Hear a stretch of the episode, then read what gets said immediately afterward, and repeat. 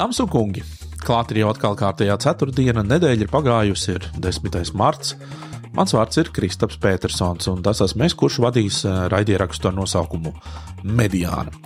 Šis raidieraksts ir veltīts ekonomikai, finansēm un uzņēmējdarbībai, un eh, varbūt tā vien izskatās, ka šis un arī pārējais, eh, pārējie raidījumi tiks veltīti Krievijai, tās sankcijām un arī ietekmei uz Latvijas ekonomiku, bet nu, mēs tomēr centīsimies arī pastāstīt kaut ko citu. Šoreiz temati būs par energoresursu cenām un par patērētāju uzvedību. Mani šīs dienas līdzautori ir Eko Baltijas valdes priekšsēdētājs un diena pēc vide autors Mārs Simonovičs, kā arī Prudentī partneris un diena pēc biznesa vadītājs Girts Rungainis. Viesu vidū savukārt šovakar redzēsiet un dzirdēsiet ekonomikas ministrijas valsts sekretāra vietnieku Ediju Šaicānu, Latvijas energo valdes priekšsēdētāju Mārtiņu Čaksti, Luminoru bankas vecāko ekonomistu Pēteri Strautiņu, sociālo antropologu Rīgas Stradiņu universitātes docētāju Andrišu Vājevu, kā arī Travel News.lv vadītāju Aivaru Matskeviču. Nedēļas uzņēmums ir akciju sabiedrība RB Rail, jeb projekta Rail Baltica ieviesējs, kuru pārstāvēs neviens cits kā tās valdes priekšsēdētājs Agnis Driksna. Esiet sveicināti, skatītāji un klausītāji. Pirms uh, sāku ar uh, svarīgiem nedēļas notikumiem ekonomikā un arī šodienas tematiem, man vispirms ir tāds mazs neliels paziņojums. Proti, raidieraksts mediāna turpmāk maina saimnieku un arī atrašanās vietu. Proti, ja jūs līdz šim varējāt mediānu atrast zem diena pēc lietu sarga, tad nākamo nedēļu, nākamo nedēļu lietas mainās. Mums būs pašiem savs profils Spotify, kā arī katru ceturtdienu. Tā ap deviņiem vakarā es straumēšu šo podkāstu, šo raidierakstu savā privātajā YouTube, Facebook un arī Twitter kanālā. Uh, Tāpēc aicinu visus mediānas skatītājus, klausītājus, un, attiecīgi, kur jūs vēlaties patērēt šo saturu, vai nu tad sameklēt mediānas kontu Spotify vai arī Kristapa Petersona privātos kontus sociālajos tīklos. Tur jūs arī varēsiet sekot līdzi mediānai. Uh, es ceru, ka mēs pēc kāda laika atradīsim nu, sev tādas jaunas māj, mājvietas, uh, jaunu mājvietu. Mēs pilnīgi noteikti paliekam TV4. Pirmdienās 21.30. Te mēs esam pilnīgi droši, tā kā uh, tas, tas netiek atcelts. Uh, līdz ar to arī drusku mainās mūsu saziņas kārtība. Uh, e-pasts, jā, e-pasts ir mans privātais e-pasts, uz kuru jūs varat rakstīt kristaps atpeterson.com ar diviem O. Kristaps atpetersona.com. Šeit apakšā jābūt ir norādītam. Nu, lūk, ķeramies klāt šodienas tematiem. Sāksim ar tādu vispārēju apskatu manām pārdomām, komentāriem par notiko, notiekošo. Tātad, nu, man pašam tā vien šķiet, ka Krievijas propagandas mēdīji nav īsti sapratuši, ka viņu valsts ir de facto bankrotējusi. Tas tā izriet no tā, ko es esmu klausījies uh, līdz šim, un arī mazliet paskatījies vēl, kur nu, tas ir kaut kā pieejams. Um, Nu, ja mēs paskatāmies uz tādiem šīs nedēļas notikumiem, vien, tad Baidena embargo Krievijas naftai un gāzei, uh, Eiropas paziņojums, tā skaitā arī Latvijas paziņojums par ātrāku pārēju uz alternatīvām energopiegādes kanāliem, kredītreitingu aģentūras Fitch un Moody's paziņojumu par reitingu pazemināšanu faktiski līdz nu, nenovēršam defaulta līmenim. Tas viss norāda uz to, ka rublis kā tāds ir beidzies un ir kļuvis bezvērtīgs. Veikalos cenas kāpj, benzīna tākos cenas kāpj, piedāvājumi ir krasi samazinājušies. To mēs varam secināt pēc fotografijām Krievijas lielveikalos. Mm, nu, ārvalstu kompānijas joprojām turpina paziņot par Krievijas pamešanu. Sliktāk vairs nevar būt. Nu, tā arī savā komentārā zem propagandista Solovjova YouTube video raksta, ja ieraksta Maskavas krievi, ir ierakstījuši, kuriem nu, tā vien šķiet, ka viņus pirmos ir sasniedzis šis modernās ekonomikas krahs. Um, tā, ja, tā, lai jūs to zinātu, es pastāstīšu arī mazliet otru pusi, ko Krievijas uh, mēdīs stāsta saviem iedzīvotājiem. Uh, proti, Eiropa no mums ir tik atkarīga, ka nevar aizgriezt gāzes vadu un naftas caurulus. Tāpēc uh, visas sankcijas no viņa puses tāds blefs vien esot. Lūk. Uh, nu, labi. Um, nevaram braukt atpūsties tagad uz Eiropas pilsētām, uh, bet tāpēc mums vaļā ir Turcija, apvienoto Arābu Emirātu un Grūzija. Grūzija nu, lūk, tā tad uh, kaut kādas opcijas tomēr mums ir. Uh, pat Venecuēla, redziet, ir paziņojusi, ka at, papildus reisus uz Maskavu atklās tā kā viss ir kārtībā. Kas tad vēl? À, vēl ir paziņojums par, um, par McDonald's aptuveni 850 restorānu darbības pārtraukšanu. Uh, Krievijā daži ierēģi ir kļuvuši ļoti radoši un ir izteikuši ideju par šo restorānu aktīvu nacionalizēšanu. Un tas ir mērķi, lai saglabātu strādājušiem vairāk nekā 10 tūkstošiem cilvēku darba vietas. Šādi paši nacionalizēšanas plāni ir izskanējuši arī par citiem rietumu uzņēmumiem, tiem piedarošiem aktīviem, kā nekustamo īpašumu, gan dažādām iekārtām. Piemērs ir jau pagājušajā raidījumā pieminētās lidmašīnas, ja, kuras Krievija ir paņēmusi līzingā un nevar vairs īsti atļauties par tām norēķināties. Faktiski jau šīs līzinga kompānijas ir pieprasījušas šos lidaparātus atpakaļ vai arī samaksāt pilnu summu. To, protams, Krievija izdarīt nevar. Un, protams, ka ja, tas, ja tās lidmašīnas tiktu nacionalizētas, tad tas nebūtu vienkārši skandāls vai tāda starptautiska tiesvedība. Tas beigtos ar tādu pilnīgu un neatgriezenisku Krievijas izolāciju. Ko cik var saprast tāda valdošā elite, jo viņi to saprot, viņi to ļoti, ļoti, ļoti labi nojauš. Līdz ar to vēl šāds solis nav īsti spērts, ja, bet par to tiek runāts. Uh, bet, protams, Krievijas propagandas mēdīja saviem skatītājiem, klausītājiem nestāsta ļoti daudz lietas, uh, kuras uh, mēs varam šeit izlasīt uh, brīvajā presē, nu, kaut vai tik daudz. Un es tā klausījos un skatījos, domāju, nu, kā, kā ir iespējams cilvēkam ar kaut kādu puslīdz saprātīgu pasaules redzējumu, un nedaudz divas vēl tur labu izglītību, kaut ko tādu vispār stāstīt auditorijai. Nu, tas ir pret jebkādiem žurnālistikas principiem. Un, uh, Un es nezinu, kādam jābūt arī klausītājam vai skatītājam, kurš kaut ko tādu vienkārši spētu uztvert puslīdzi, es nezinu, veselīgi, nu, kaut kā tā. Tas, ko šodien um, mēs ieraudzījām naftas tirgu un gāzes tirgu, un tā, tas vispār varētu būt vesela raidījuma vērts stāsts. Daudzi analītiķi ir bijuši ļoti vaļsirdīgi un ir atzinušies, ka šādi notikumi gadoties varbūt reizi karjerā, un tad, tad, tad jau tas ir liels notikums. Es neiedziļināšos tagad barela cenās un tā tālāk, jo par to mums šodien vairāk stāstīs Seibankas ekonomists Dainis Gašpuitis. Bet tas noskaņojums gan Krievijā, gan to valstu vidū, kas līdz šim ir patērējušas Krievijas gāzi un naftu, ir jāsaka, godīgi, ļoti skumīgs. Goldman ir aprēķinājuši, ka naftas piegāžu pārāvumi um, var sasniegt 3 miljonus barelu dienā, kas ir piektais augstākais rādītājs pasaules vēsturē.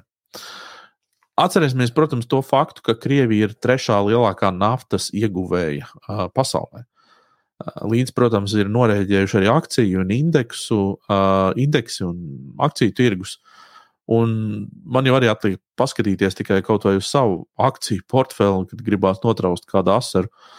Es domāju, ka ne man vienīgam ir tāda sajūta. Studenti no Amerikas, no Eiropas Savienības uh, ir um, tie, kuri ir joprojām iesprūduši Krievijā, pa visām varītēm cenšas izkļūt no valsts. Izrādās, ka tas nav maz nav tik vienkārši un viegli. Par to šodien raksta Bloomberg. Tāpat šīs mēdīs ir norādījis uh, uz Ķīnu, kā iespējamu kara vidutāju un miera izlīguma panācēju. Proti, tieši Ķīna Putinam varot dot iespēju izvairīties no nemieriem pašu zemē, piekrītot pārtraukt karu darbību un atjaunot ekonomiku ar gādīgās Ķīnas palīdzību. Šādai teorijai ir gan atbalstītāji, gan arī pretinieki, jo daudz saprot, ka šobrīd tieši Ķīnai ir parādījusies viena lieliska iespēja pasaulē izveidot superimpēriju, kuras sastāvā uh, ar laiku varētu tikt iekļauta Krievija, vairākas arābu un Āfrikas valstis.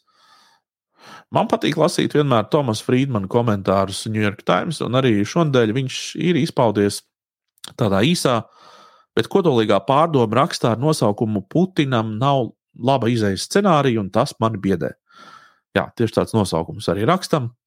Proti, viņš atgādina, ka visas Krievijas vēsturiskās sakāves ir beigušās ar ļoti lielām pārmaiņām pasaulē. Kaut vai pieņemam to pašu Padomju Savienības sairšanu, um, kad Krievu tauta ceļas kājās, tad tas vienmēr beidzas ar kaut kādu pilsoņu kāru vai iekšējām revolūcijām vai kaut ko tamlīdzīgu. Un par spīti tam visam Putins ir tāds cilvēks, kā jau nu, no zināms no vēstures ir, kurš nepatilsies tik ilgi, kamēr vien elpos. Tā kā šeit patiešām varētu būt nu, tāds satraucošs, ko arī Tomas Friedmans raksta, tāds satraucošs uh, iznākums šim visam, ja, kas varētu pasauli mainīt. Rēģējot uz Baidena paziņojumiem, ka ASV uh, ir jāsakārto kriptovalūtas politika, bitkoins ir atkal pakāpies, mm, pārkāpis, drīzāk jāsaka, 42,000 dolāru vērtības robežu. ASV izskata iespēju radīt digitālo dolāru, par to Amerika ir pavie, pa, paziņojusi, Baltais nams proti, kas kopā ar Eiropas centrālo banku un tās iniciatīvu par digitālo eiro jau sāk izskatīties par tādus kā jaunas ekonomikas paradigmas izveidi. Šeit, es domāju, mēs arī kādā brīdī veidosim kādu raidījumu par tieši šo tematiku. Redzēsim, vai arī ir skatītāji un klausītāji atsaucība un interese par to. Tātad par digitālām valūtām droši varat ierakstīt komentārā, ja tas jūs interesēs. Ļoti labprāt arī šādu raidījumu izveidotu. Es nezinu, cik tālu ir tā nākotne, bet daži futurologi uzskata un jau paredz laikus, ka taustāma valūta tiks izskausta uz visiem laikiem. Nu, redzēsim, atkal dzīvosim, redzēsim. Karā, protams, nekā patīkama nav, ja vien neskaita to, ka Ukrāņi saņem atbalstu no daudzām tuvējām un arī tālām valstīm lieliem uzņēmumiem, pat tiešo valsts kasē kā ziedojums un ieskaitījums. Mm, mēs redzam, ka nelaimē nonākušas valstis, nu, tāda kā Ukraina, arī iedzīvotāji, un šī, šis, šī patiesībā humanitārā krīze eh, valstis eh, spēj saliedēties, nākt kopā un vismaz kaut kādā ziņā individuāli un visu arī kopā atbalstīt. Luksemburga šonadēļ paziņoja par 250 miljonu eiro lielu palīdzību. Tātad, tā ir tāda viena ceturtā daļa no miljarda. Un, un, un tādā izmēra ziņā Luksemburga nu, ir tā tāds knaps kurzemes izmērā. Nu, Arī Amerikas Savienotās valstis balsos par 13,6 miljardu dolāru lielu palīdzības paketu Ukrainai. Tā kā uh, vēl vesela rindu uh, organizācijas un valdības ir paziņojušas par, uh, par, uh, par līdzīgiem ieskaitījumiem. Uh, arī privāta personas un slavenības ir, ir, ir izmanto dažādus fondus un skaita tātad, uh, naudu Ukrainai. Uh, Un tur ir dažādas aplēses bijušas, cik apmēram ikdienā Ukraina šādus finansējumus saņem. Tas ir pietiekami, pietiekami apjomīgs. Nu, gan jāsaka, ka viena lieta, protams, ir nauda, bet nu, tas, kas ir nepieciešams viņiem, protams, kaujas laukā, šis atbalsts, šīs slēgtās debesis, šie reāli ieroči un vispārējais, ja, nu, tas, protams, ir, um, ir tas, kas ir šobrīd ļoti, ļoti vajadzīgs. Nu, lūk. Um, tiem, kas seko līdzi ārvalstu presē, es noteikti ieteiktu um, paskatīties tādu plašāku rakstu 8. martā, kur Financial Times ir aprakstījis Baltijas valstu uh, situāciju. Ja, Tātad uh, nosaukums šim rakstam ir War in Ukraine. Will the Baltics become the new West Berlin? Tātad vai Baltija kļūs par jauno Rietumu Berlīnu? Proti, tiek uzdots jautājums, um, un arī rakstā apliecināta daudz, uh, tiek tas, ka Baltija šobrīd ir drošībā, ka tā cieši, aiz tās cieši stāv Amerikas Savienotās valstis un arī sabiedrotie, uh, kas arī šajās dienās uh, viesojas Latvijā. Mēs arī pieredzējām, ja tā tad patiešām ārlietu ministram, premjeram un valsts prezidentam bija ļoti aizņemta dienas kārtība šajās dienās, uzņemot gan valstu premjeru, gan NATO ģenerālsekretāru un, un tā tālāk. Tātad šīs raksts ir tapis pateicoties šiem, šiem notikumiem, un, uh, lai pievērstu arī sabiedrības uzmanību, starptautiskās sabiedrības uzmanību, manuprāt, ir ļoti vērtīgs. The Economist šonadēļ ir pilns ar pēlēm. Viens no rakstiem spilgti izgaismo to nereālo korupcijas apmēru un zakšanu, kāda ir Krievijas militārajās aprindās. Un, tas viss ir noticis pēdējā desmitgadē. Nu, īsumā sakot, tad, kad ir jāceļ gaisā lidmašīnas, tad izrādās, ka daļa no tām vispār ir neatbilstošas kaujas apstākļiem. To GPS sistēmas nav nokalibrētas, un pilotiem ir jāņem tālāk parastie veikalos nopērkamie GPS gadgeti. Un tad vēl, protams, tiek atzīmēta paša karaspēka relatīvi vājā sagatavotība, motivācija. Nu, viss, kas Krievijas, Krievijai, Ukrainā pat labi ir izdevies, ir nevis karš ar saprātu, bet ar tādām dūrēm un kiras zābakiem. Uh, starp citu, arī ekonomisti koķetē ar teoriju par to, ka Krievija un Ķīna varētu šajā situācijā satuvināties. Uh, ja Putins negūs uzvaru pār Ukrajinu tuvākajās nedēļās, tad viņš būs spiests izdomāt kaut kādu atrunu, kuru fonā tiktu maskēts šis zaudējums karā. Un tiek runāts par to, ka Ķīna varētu vispirms radīt nu, tādus kā alternatīvus finanšu un maksājumu kanālus no tirkus aizgājušiem Visa un Mastercards. Tajā pat laikā arī kompensēt zaudējumus no naftas pieprasījuma krituma. Nu, Krievijai jau pat labi ir pietiekami liela ekspozīcija, proti 150 miljardu juāņu apmērā ar Ķīnas centrālo banku. Nu, skaidrs, ka ķīnieši zina, ka šo aizdevumu neviens tagad nepārfinansēs, un Krievijai nebūs iespējas arī par to norēķināties. Nu, un te ekonomisti pieļauj, ka, un arī Bloomberg pieļauj, ka uh, ķīnieši šo varētu izmantot. Uh, To, protams, neviens skaļi nesaka.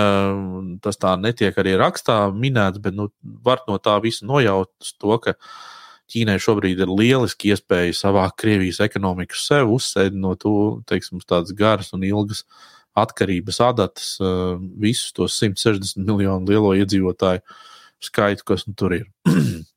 Vai vismaz to skaitu, kas tur paliks pēc, pēc šī kara. Um, labi, lai paliek ārzemes uz brīdi, paskatīsimies, kas ir noticis tepat Latvijā. Uzņēmumi turpina publicēt pagājušā gada finanšu rādītājus. Starp um, tādiem lielākiem šonadēļ bija Latvijas energo. Ienākumi ir kāpuši no 773 miljoniem um, 2020. gadā uz veselu 1,06 miljardiem pērn. EBITA gan ir nedaudz kritusies, Tā, vēl viens uzņēmums ir Latvijas valsts meži, kas ziņo par saviem rezultātiem. Arī šajā nedēļā pērn Latvijas valsts meži ir strādājuši ar 405,3 miljoniem eiro lielu apgrozījumu. Un peļņu ir kāpinājuši pirms nodokļiem. Tā ir pieaugusi par 71,4%, sasniedzot 130,34 miljonus eiro. Tātad kopumā diezgan labi. Nobežījusies mums ir turisma nozare un sektors. Par to mēs noteikti vēlāk runāsim ar Aivaru Matskeviču. Veikalos varam novērot atkal to, ka cilvēki izpērk kaut kādas noteiktas preču grupas, mazumtirdzniecības ķēdes norāda, ka tās šīs izpirktās preces drīz atgriezīsies plauktos un panikai nav nekāda pamata. Par šo fenomenu arī mēs parunāsim šodien ar sociālo antropologu, kurš ir tieši specializējies ekonomikas jautājumos, proti, Andriu Šuvājevu. Priecē arī tas, ka uzņēmumi turpina paziņot par atbalstu pasākumiem Ukraiņas karā cietušajiem. To jau es minēju, ka cilvēki šādās krīzes eh, situācijās eh, ļoti saliedējās. Um, savukārt, banku analītiķi lēš, ka šogad inflācija varētu pārsniegt 10%. Iemesls tam, protams, ir lielās uh, energoresursu cenas, kas tālāk ietekmēs ražošanas izmaksas un gala produkta cenu. To nu mēs droši vien pavisam droši izjutīsim. Tas ir 100%. Jeb tikpat droši kā Krievijas defaults. Premjerministrs Kariņš ir arī paziņojis to, ka um, būs jāsavelk jostas, un es citēju, jāpārskata savi tērēšanas paradumi. Citāta beigas. Klausoties šajā visā, es tomēr gribu ieviest arī lielāku skaidrību gan par gāzes, gan elektrības cenām, to, kā tas īstenībā ikdienā mūs visus ietekmēs. Un, lai to iegūtu šādu informāciju, es vērsos pie neviena cita kā ekonomikas ministrijas valsts sekretāra vietnieka Edija Šaicāna. Mums te ir sakrājušies jautājumi gan no skatītājiem, gan pašam. Ir šādas tādas lietas, kas ir neskaidras gan par gāzes, gan, gan elektrības. Nu, droši vien jau ka cenām, ja mēs runājam par gala, gala iznākumu, bet uh, droši vien parunāsim arī par piegādēm. Sāksim ar gāzi. Es saprotu, ka tā tad um, gāze mums būs līdz vismaz 2023. gada aprīlim. Vismaz Latvijas energo ir pateicis, un Latvijas gāze arī ir pateikusi, ka nekādas problēmas nebūs. Ja? Tad droši vien no tā sāksim ar to. Jā, nu, e, es droši vien vispār jau paldies par uzaicinājumu piedalīties. Manuprāt, šis ir šobrīd tāds aktuāls temats, par kuru droši vien jo vairāk runāsim, jo cilvēkiem būs lielāka sapratne un par to vispār, kas notiek. Uh, Jo bieži vien jau arī publiskā telpā ir pilns mītu un visādu spekulāciju par to, cik tad e, mums ir labi ar to gāzi vai elektrību, un, un rodas dažādi mīti arī, arī publikā, arī sabiedrībā, kleju apkārt. Un tad, kad, e, kad tas iesēžās kaut kur cilvēkiem jau zemapziņā, tad jau ļoti grūti to mainīt pēc būtības. Bet, ja runājam par gāzi, tad e, es teiktu, ka gāze bija, gāze ir un gāze droši vien būs. Jautājums ir, kādā apmērā, no kura avota un par kādu cenu. Droši vien šie ir tādi trīs galvenie aspekti. Ja mēs runājam par šobrīd esošo situāciju, kas mums šobrīd ir gāzes situācija, tad jāsaka, ka mums ir samērā laba situācija. Ja nemaldos, uz vakardienas dienas beigām speciāli bija arī paskatījies, cik mums ir. Mums ir 5,7 terawatstundas gāzes, kas šodien, šobrīd atrodas Inčukalna pazemes gāzes krātuvē. Plus mums notiek regulāra šobrīd piegādes no Lietuvas, no sašķidrinātās dabasgāzes termināļa. Un šīs piegādes no Lietuvas ir jau saplānotas uz priekšu gan maijā, gan aprīlī, gan arī jūnijā uz priekšu. Līdz ar to, principā, visu vasaru šobrīd visi tirgotāji cenšas noslogot maksimāli infrastruktūru, lai tā gāze būtu, viņa nāktu un viņas pietiktu. Runājot par mums tādu tuvāko kompāniju, kas mums Latvijā ir lielākā, Latvijas energo, kas mums arī ražo gan elektrību, gan arī gāzi, vislielākais patērētājs Latvijā. Viņi pēc būtības patērē bez mazliet pusi no Latvijas gāzes patēriņa. Jā. Nu, ja kopējais Latvijas ir kaut kāds 12 terawatstundas, tad Latvijas energo patēriņš ir aptuveni 5 pagājušajā gadā, nu, kas ir teju vai puse no Latvijas. Un, ja runājam par energo, tad īstenībā valdība jau, jau tādu proaktīvu veica rīcību Valdība jau bija devusi uzdevumu ekonomikas ministrijā ar Latviju energo darīt visu, lai maksimāli pārorientētos prom no Krievijas gāzes un pieslēgt, mēģināt atrast piegādātājus, kas atveda šeit sašķidrināto dabas gāzi. Un Latvijas energo šo ir izdarījuši. Latvijas energo ir iepirkuši divus lielos kuģus, kas ir aptuveni 2 terawatstundas. E, sakombinējot to kopā ar e, to, kas jau Latvijas energo šobrīd atrodas Inčukalnā, pēc būtības viņi jau ir nodrošinājuši divas trešdaļas no sava tāda tipiskā gada patēriņa. E, kas nozīmē, ka viņiem pēc būtības vēl nepieciešams ir kāds viens kuģis, pie kā viņi šobrīd strādā, un tāds tipisks patēriņš ikgadējs Latvijā būs noteikti nodrošināts. Plus arī šobrīd mēs absolūti neredzam, kad arī gāzes nenāktu uz Inčukalnu. Jāsaka, ka tieši pretēji mēs šogad esam e, netipiski agri uzsākuši iesūknēšanas sezonu Inčukalnā. E, uzsākās 26. februārī. Katru dienu mēs principā šobrīd sūknējam iekšā Inčukalnā maksimālās, var teikt, jaudas, un no Inčukalnā ārā neņemam neko. Tas nozīmē, mēs gāzi pildām, mēs šobrīd netērējam, kas to situāciju vēl uzlabo. Un patiesībā sakot, e, šai ziemai es teiktu, ka mums absolūti nav nekādu pārdzīvojumu, mums gāzes pietiek un viņas pietiks. Un tas, ko mēs šobrīd darām arī no valsts puses, no visu atbildīgo uzņēmumu, kas piedalās gāzes tirgu, mēģinam rast jebkādus risinājumus, lai maksimāli noslogotu esošo infrastruktūru un piepildītu Inčukalnu cik vien iespējams daudz uz nākošo ziemu. Nu, tas mhm, ir galvenais uzdevums. Jā, tātad mēs varam teikt gan iedzīvotājiem, ka uz gadu pilnīgi droši mēs tās rezerves sev būsim sagādājuši. Tas, tas nu, šobrīd mēs pie tā cītīgi strādājam lai tas tā notiktu. Protams, ka uh, viss jau kas var mainīties, un riski pastāv vienmēr, bet uh, katrā ziņā mēs pie tā šobrīd strādājam. Tas mūsu pirmais uzdevums visu to izdarīt, lai līdz nākošā gada apkura sezonai būtu maksimāli pilns inčkons. Ļoti labi. Tur mēs varam, kā saka, ievilkt tādu čeku. Tur viss ir kārtībā.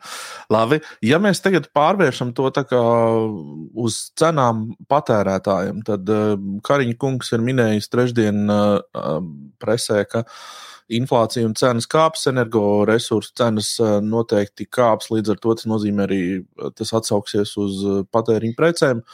kas automātiski nu, liks pārskatīt cilvēkiem savus ikdienas, varbūt tērēšanas paradumus un tā tālāk. Um, ko, ko tu vari teikt par gāzes cenām? Jo skaidrs, ka mēs redzam arī šobrīd uh, to trako situāciju, kas notiek tirgū šonadēļ. Nu, tas ir uh, tā. Cilvēkiem, kas tam seko līdzi, ir, uh, ir, ir diezgan, saka, šausminoša aina. E, nu, droši vien jāsāk jau vispirms ar to, ka uh, Nu, šī ir tāda netipiska situācija. Nu, skaidrs, ka mēs neesam miera apstākļos, un mēs ļoti labi zinām, kas notiek netālu aiz mūsu robežām. Un, e, protams, ka biržas e, vienmēr reaģē uz jebkādu e, negatīvu pavērsienu. Nu, tas ir biržas princips jau ļoti vienkārši. Tik līdz viņi redz kaut kādus riskus, viņi to automātiski ieliek iekšā cenā. Tāpēc es teiktu, ka šobrīd skatīties uz biržu indeksiem, piemēram, uz kaut kādu nākošo mēnesi vai uz otru, nu, tas ir Nu, šī ir parasta mana atbilde, kad man saka, kāda būs cena pēc mēneša vai diviem. Nu, lai nesamelot visiem, es teikšu, godīgi, labāk nezinu. Tāpēc, ka tie biržu indeksi, tie, kas seko līdzi, ļoti labi redz, kad viņš no rīta atverās, piemēram, ar 300 eiro par megawattstundu un dienu noslēdz, piemēram, zem 200 eiro. Plus mm. mainās arī nākotnes cenas, nu, viņas eh, mainās pa stundām. Jā, jā Tas, tieši tā. Tas viens skaidrs ir jāsaka, ka eh, tā cena nebūs tāda, kā viņa bija gadus divus atpakaļ. Nu, tas ir absolūti skaidrs. E, tāda cena nebūs, jo nu, viss šis e, tāds e, līdzsvars globālajā tirgu būs ar visu šo izmainīts. Un skaidrs, ka jebkurām piegādēm ir arī jāspēj vispirms salāgoties un, un šo, šo tirgus līdzsvaru kaut kādā veidā līdzsvarot atpakaļ. Un nav jau, nav jau noslēpums, ka Krievijas gāze un naftas produkti jau pēc būtības ieņem ļoti lielu lomu. Eiropas eh, bilancē. Un tas nozīmē, ka, eh, lai vai ko mēs darītu un mēģinātu viņus aizstāt, skaidrs, ka to nevar izdarīt ne dienas, ne mēneša laikā, tam vajadzīgs ir laiks. Un, un šo laiku tas arī ir tas laiks, kas arī šīs biržas eh, cenas visu laiku staigās uz priekšu, atpakaļ. Nu, līdz ar to es teiktu, ka mums ir jārēķinās ar to, ka cenas būs augstas.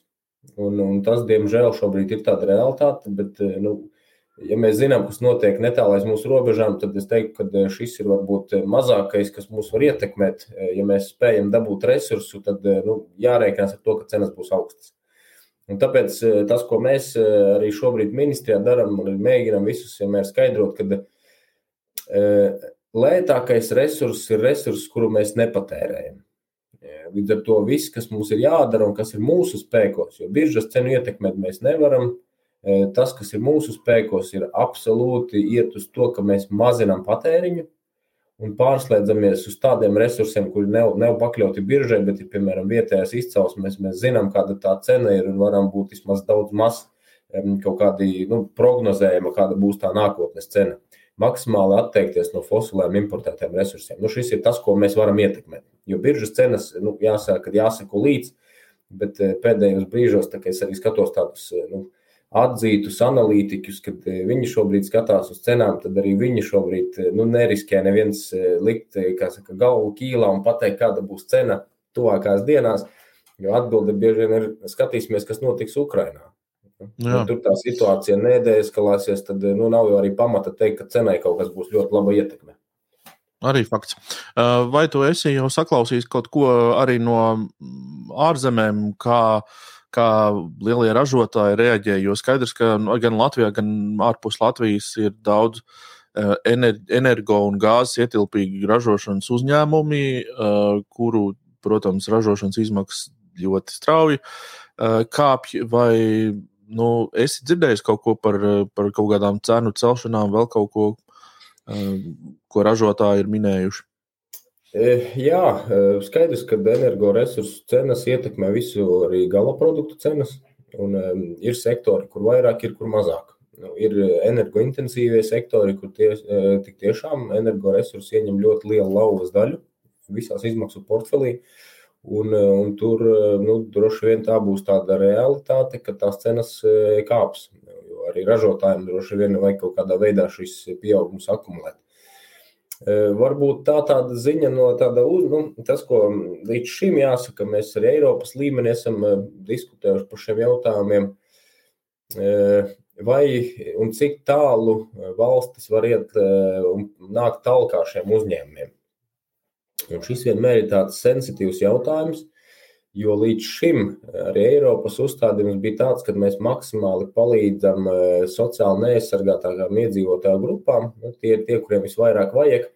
Un savukārt uzņēmumi jau pēc būtības ir vienādi. Vai tu esi Latvijā, vai tu esi Vācijā, vai tu esi Skandināvijā, vai Polijā.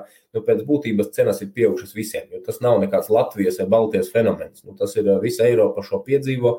Līdz ar to, ja kāda valsts iet ar tādu plašu atbalsta instrumentu saviem uzņēmumiem, ir skaidrs, ka konkurences tiek sakropļota un iekšā Eiropas Savienības tirgu viņš gūst tādas priekšrocības pret pārējiem. Un tāpēc Eiropa līdz šim ir bijusi gana skeptiska par tādiem eh, atbalsta instrumentu ieviešanu.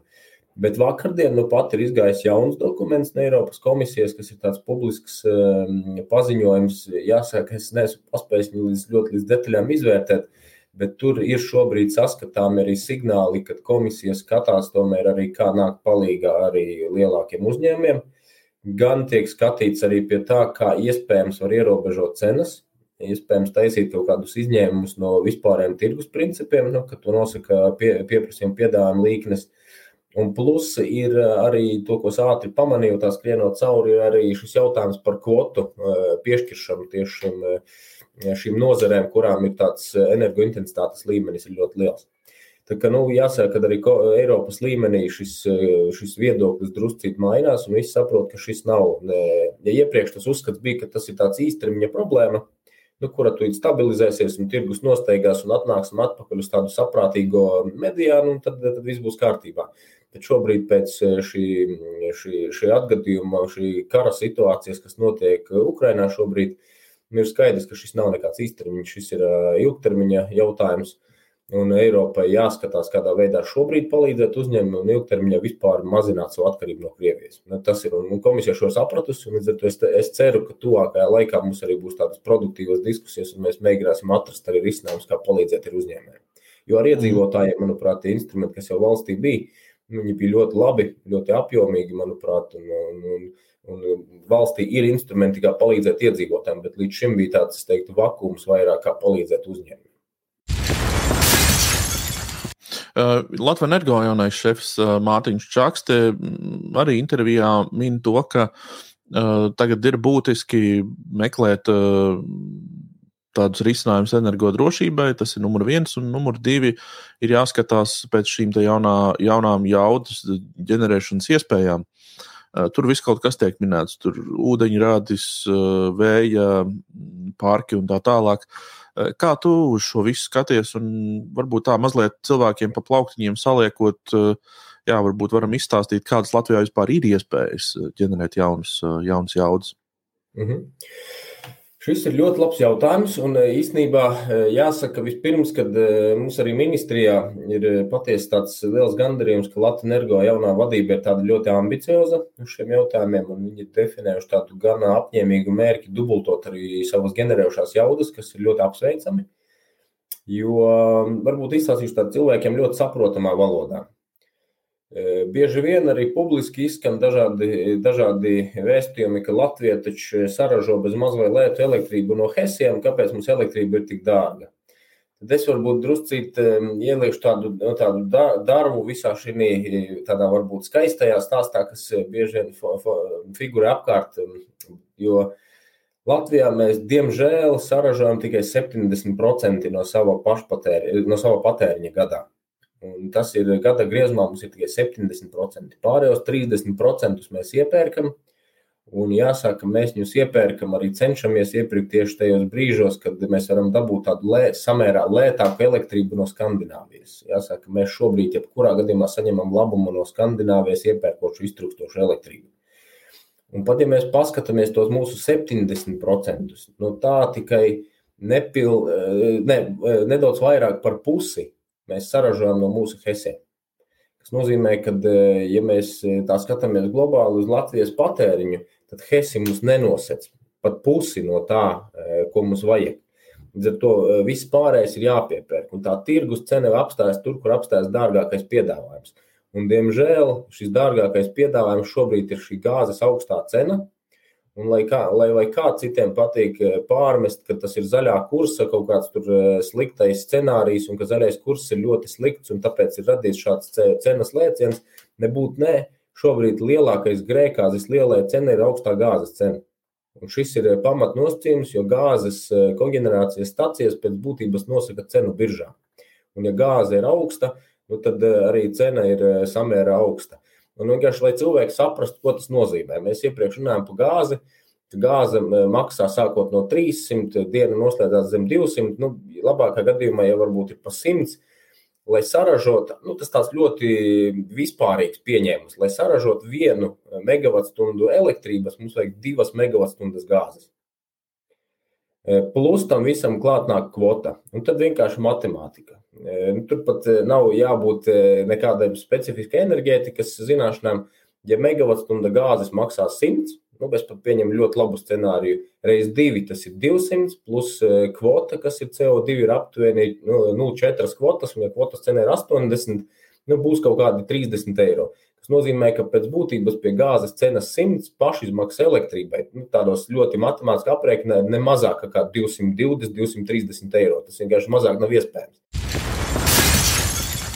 Par alternatīvajiem elektrības ražotājiem Latvijā diskusijas ir jau sen. Alternatīvas ir, bet, protams, tās nav lētas. To ieviešana arī nav lēta un ātra, bet, nu, protams, ka tā mums visiem ir vajadzīga. Turpinājumā mm, saruna ar ekonomikas ministrijas valsts sekretāru vietnieku Ediju Šaicānu, pēc kuras sekos pavisam neliels fragments no vēl nepublicēta diena pēc vide raidījuma, kurā Eko Baltija valdes priekšsēdētājs Māris Simonovičs iztaujās jauno Latvijas energo valdes priekšsēdētāju Mārtiņu Čaksti. Mēs arī, protams, laiku arī vērtējam, arī ar zinātniekiem skatāmies, kas ir izmaksu ziņā efektīvākais. Jo mums, godīgi sakot, ministrijā absolūti nav mērķis virzīt idejas tādas, kuras uzliek kaut kādu papildus slogu iedzīvotājiem. Jo ir jau visādas e, futuristiskas tehnoloģijas, kuras maksā vienkārši dārgi, un cilvēki par to samaksās. Un, ja mēs skatāmies no tādas cenu ziņā vispievilcīgākās tehnoloģijas šobrīd tas ir vējš un tā ir saule. Jo gan vējš, gan saule šobrīd pēc būtības spēj strādāt bez nekādām valsts subsīdijām. Nu, es nerunāju par esošajām cenām, es runāju par tādām standarta cenām, kas būtu, ja šie pīki tiktu noņemti. Viņi spēj strādāt bez subsīdijām un konkurēt ar fosilās eh, kurināmās stacijām. Un līdz ar to eh, vēja potenciāls mums ir milzīgs Latvijā. Eh, arī tas, kas šobrīd ir definēts, ko vēlas Latvijas energo, ko vēlas privātie, uh, attīstītāji, viņš neaptvers pat mazu daļu no Latvijas potenciāla, kas vispār ir pieejams gan sauszemē, gan jūrā. Līdz ar to visātrākais un izmaksu ziņā efektīvākais šobrīd ir attīstīt vēju uz tādiem lielajiem parkiem. Un, ja mēs runājam par tādiem mums pašiem patēriņiem vai uzņēmumu pašpatēriņiem, tas ir saules paneļi, ko mēs varam uzlikt paši un patērēt elektrību, paši saražot, paši patērēt maksimāli nosakt savas vajadzības. Šie ir šobrīd, ja mēs runājam par tiem ļoti īstermiņa uh, nu, viņi pat neteiks, ka ir īstermiņa. Saules paneļi varbūt ir īstermiņa, bet vēja stācijas vairs nav nemaz tāds īstermiņš, jo tāpat jāaiziet procedūras. Nu, reālākajā gadījumā tie parki sāks darboties kaut kāds 25, 26 gads. Bet Jā. tas ir šobrīd ļoti ātri. Ja mēs runājam jau par citām tehnoloģijām, vienalga ūdeņradis, atomstacijas, nu, mēs to, nes, to nav iespējams izdarīt ne trijos, ne piecos gados. Nu, tas ir vismaz 7, 10 vai 15 gadi. Līdz ar to tas varbūt ir laba tehnoloģija nākotnē, bet šobrīd, lai risinātu esošās problēmas, ar to mēs nevaram to atrisināt.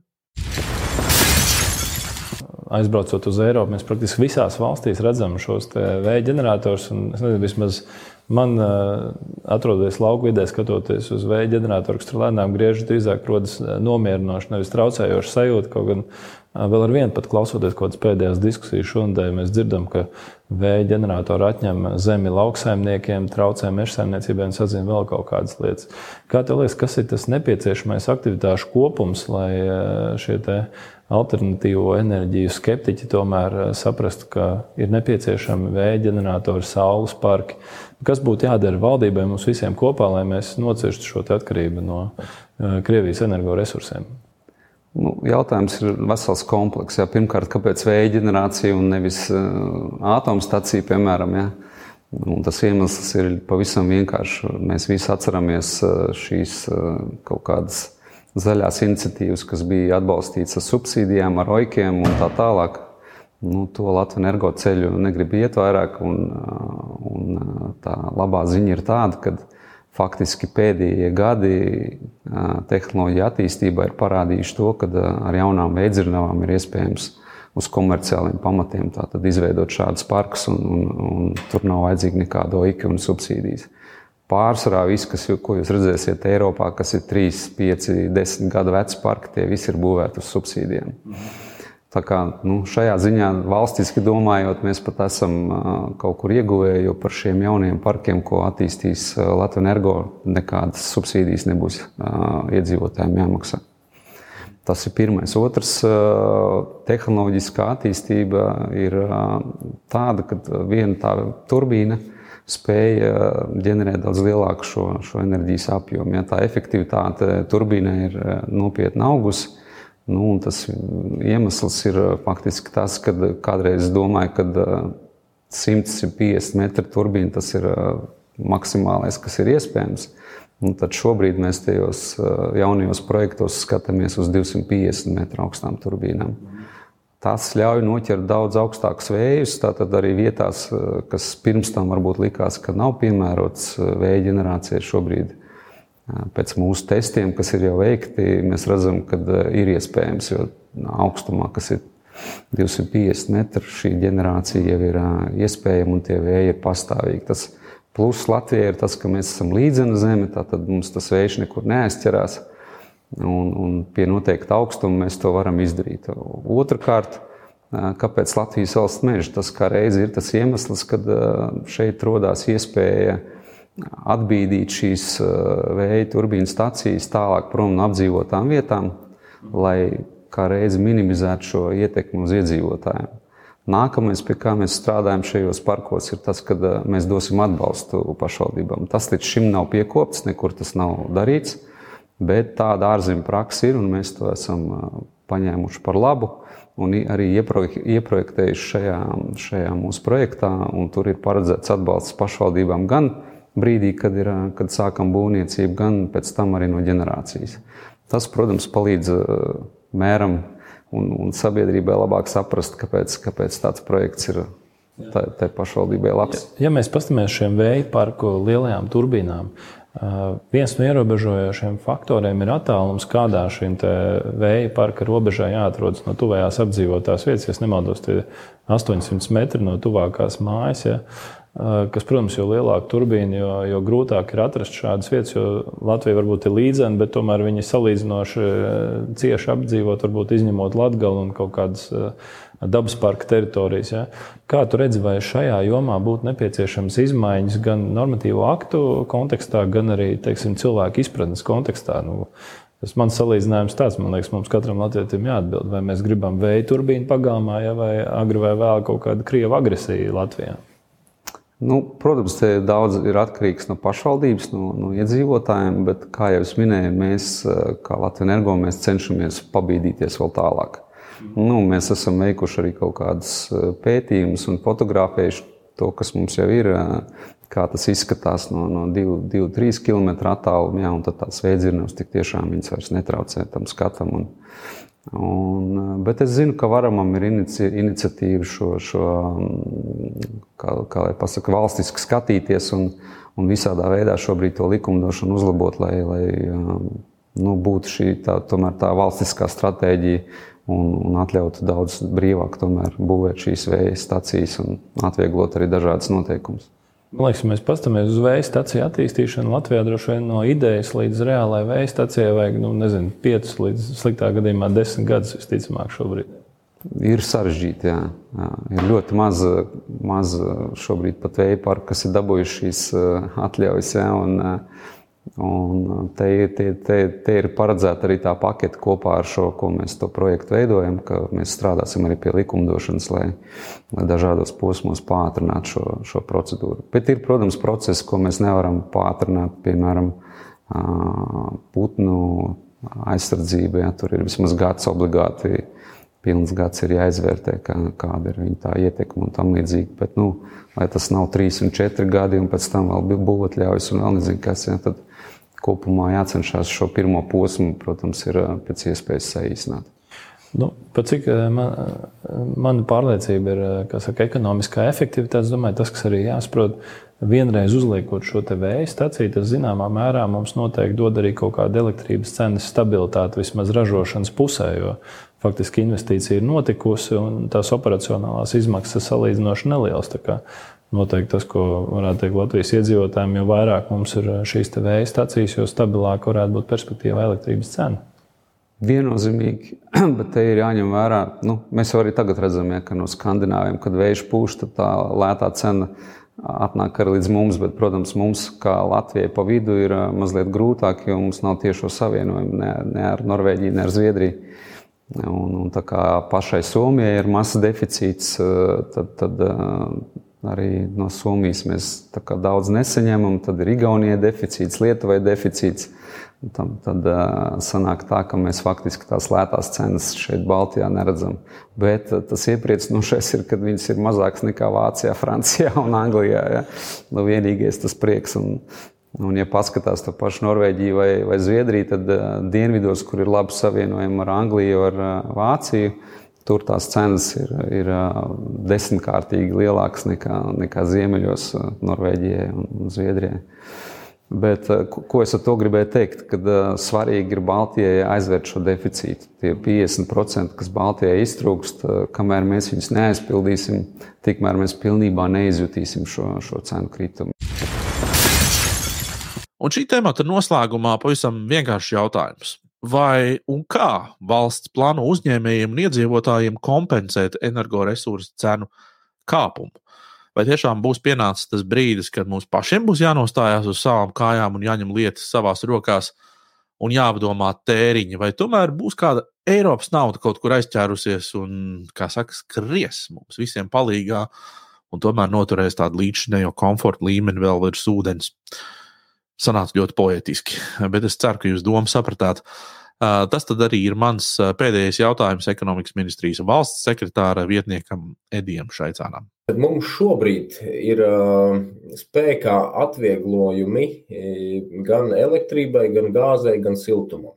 Un šis bija tāds pagājušā gada nogalē tāds apjomīgs likumprojekts, kas tika mēs kopā ar Labklājības ministrijas kolēģiem virzījām uz saimnu, viņš tika apstiprināts. Uh, Un šobrīd eh, pēc būtības eh, jau ir eh, tādi instrumenti. Tiesa gan šie instrumenti lielākā daļa beigsies līdz aprīļa beigām, jo viņi bija radīti tieši uz šo apkures sezonu. Jā, uz apkures sezonu, pieņemot, ka vasarā skaidrs, ka mums siltumu nevajadzēs. Līdz ar to gāzes apkuri arī mums nevajadzēs, nu, kas nozīmē, paliek tikai elektrība, bet arī vasarā mēs viņu sākam patērēt mazāk.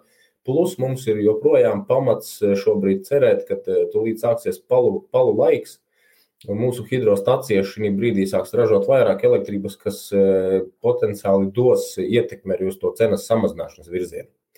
Līdz ar to nu, tas ir.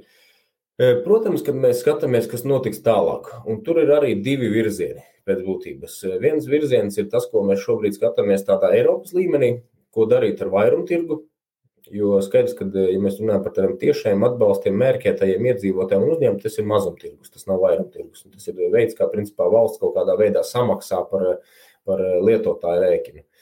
Otrs virziens ir šis lielais, kādā veidā iespējams skatīties, var ietekmēt vairumtirgu. Šajā krīzes situācijā taisīt izņēmumus no, no vairumtirgus eh, vispārējā modeļa un taisīt kādus izņēmumus. Un tas ir tas, kas šobrīd eh, ir uzsākta diskusija Eiropas līmenī.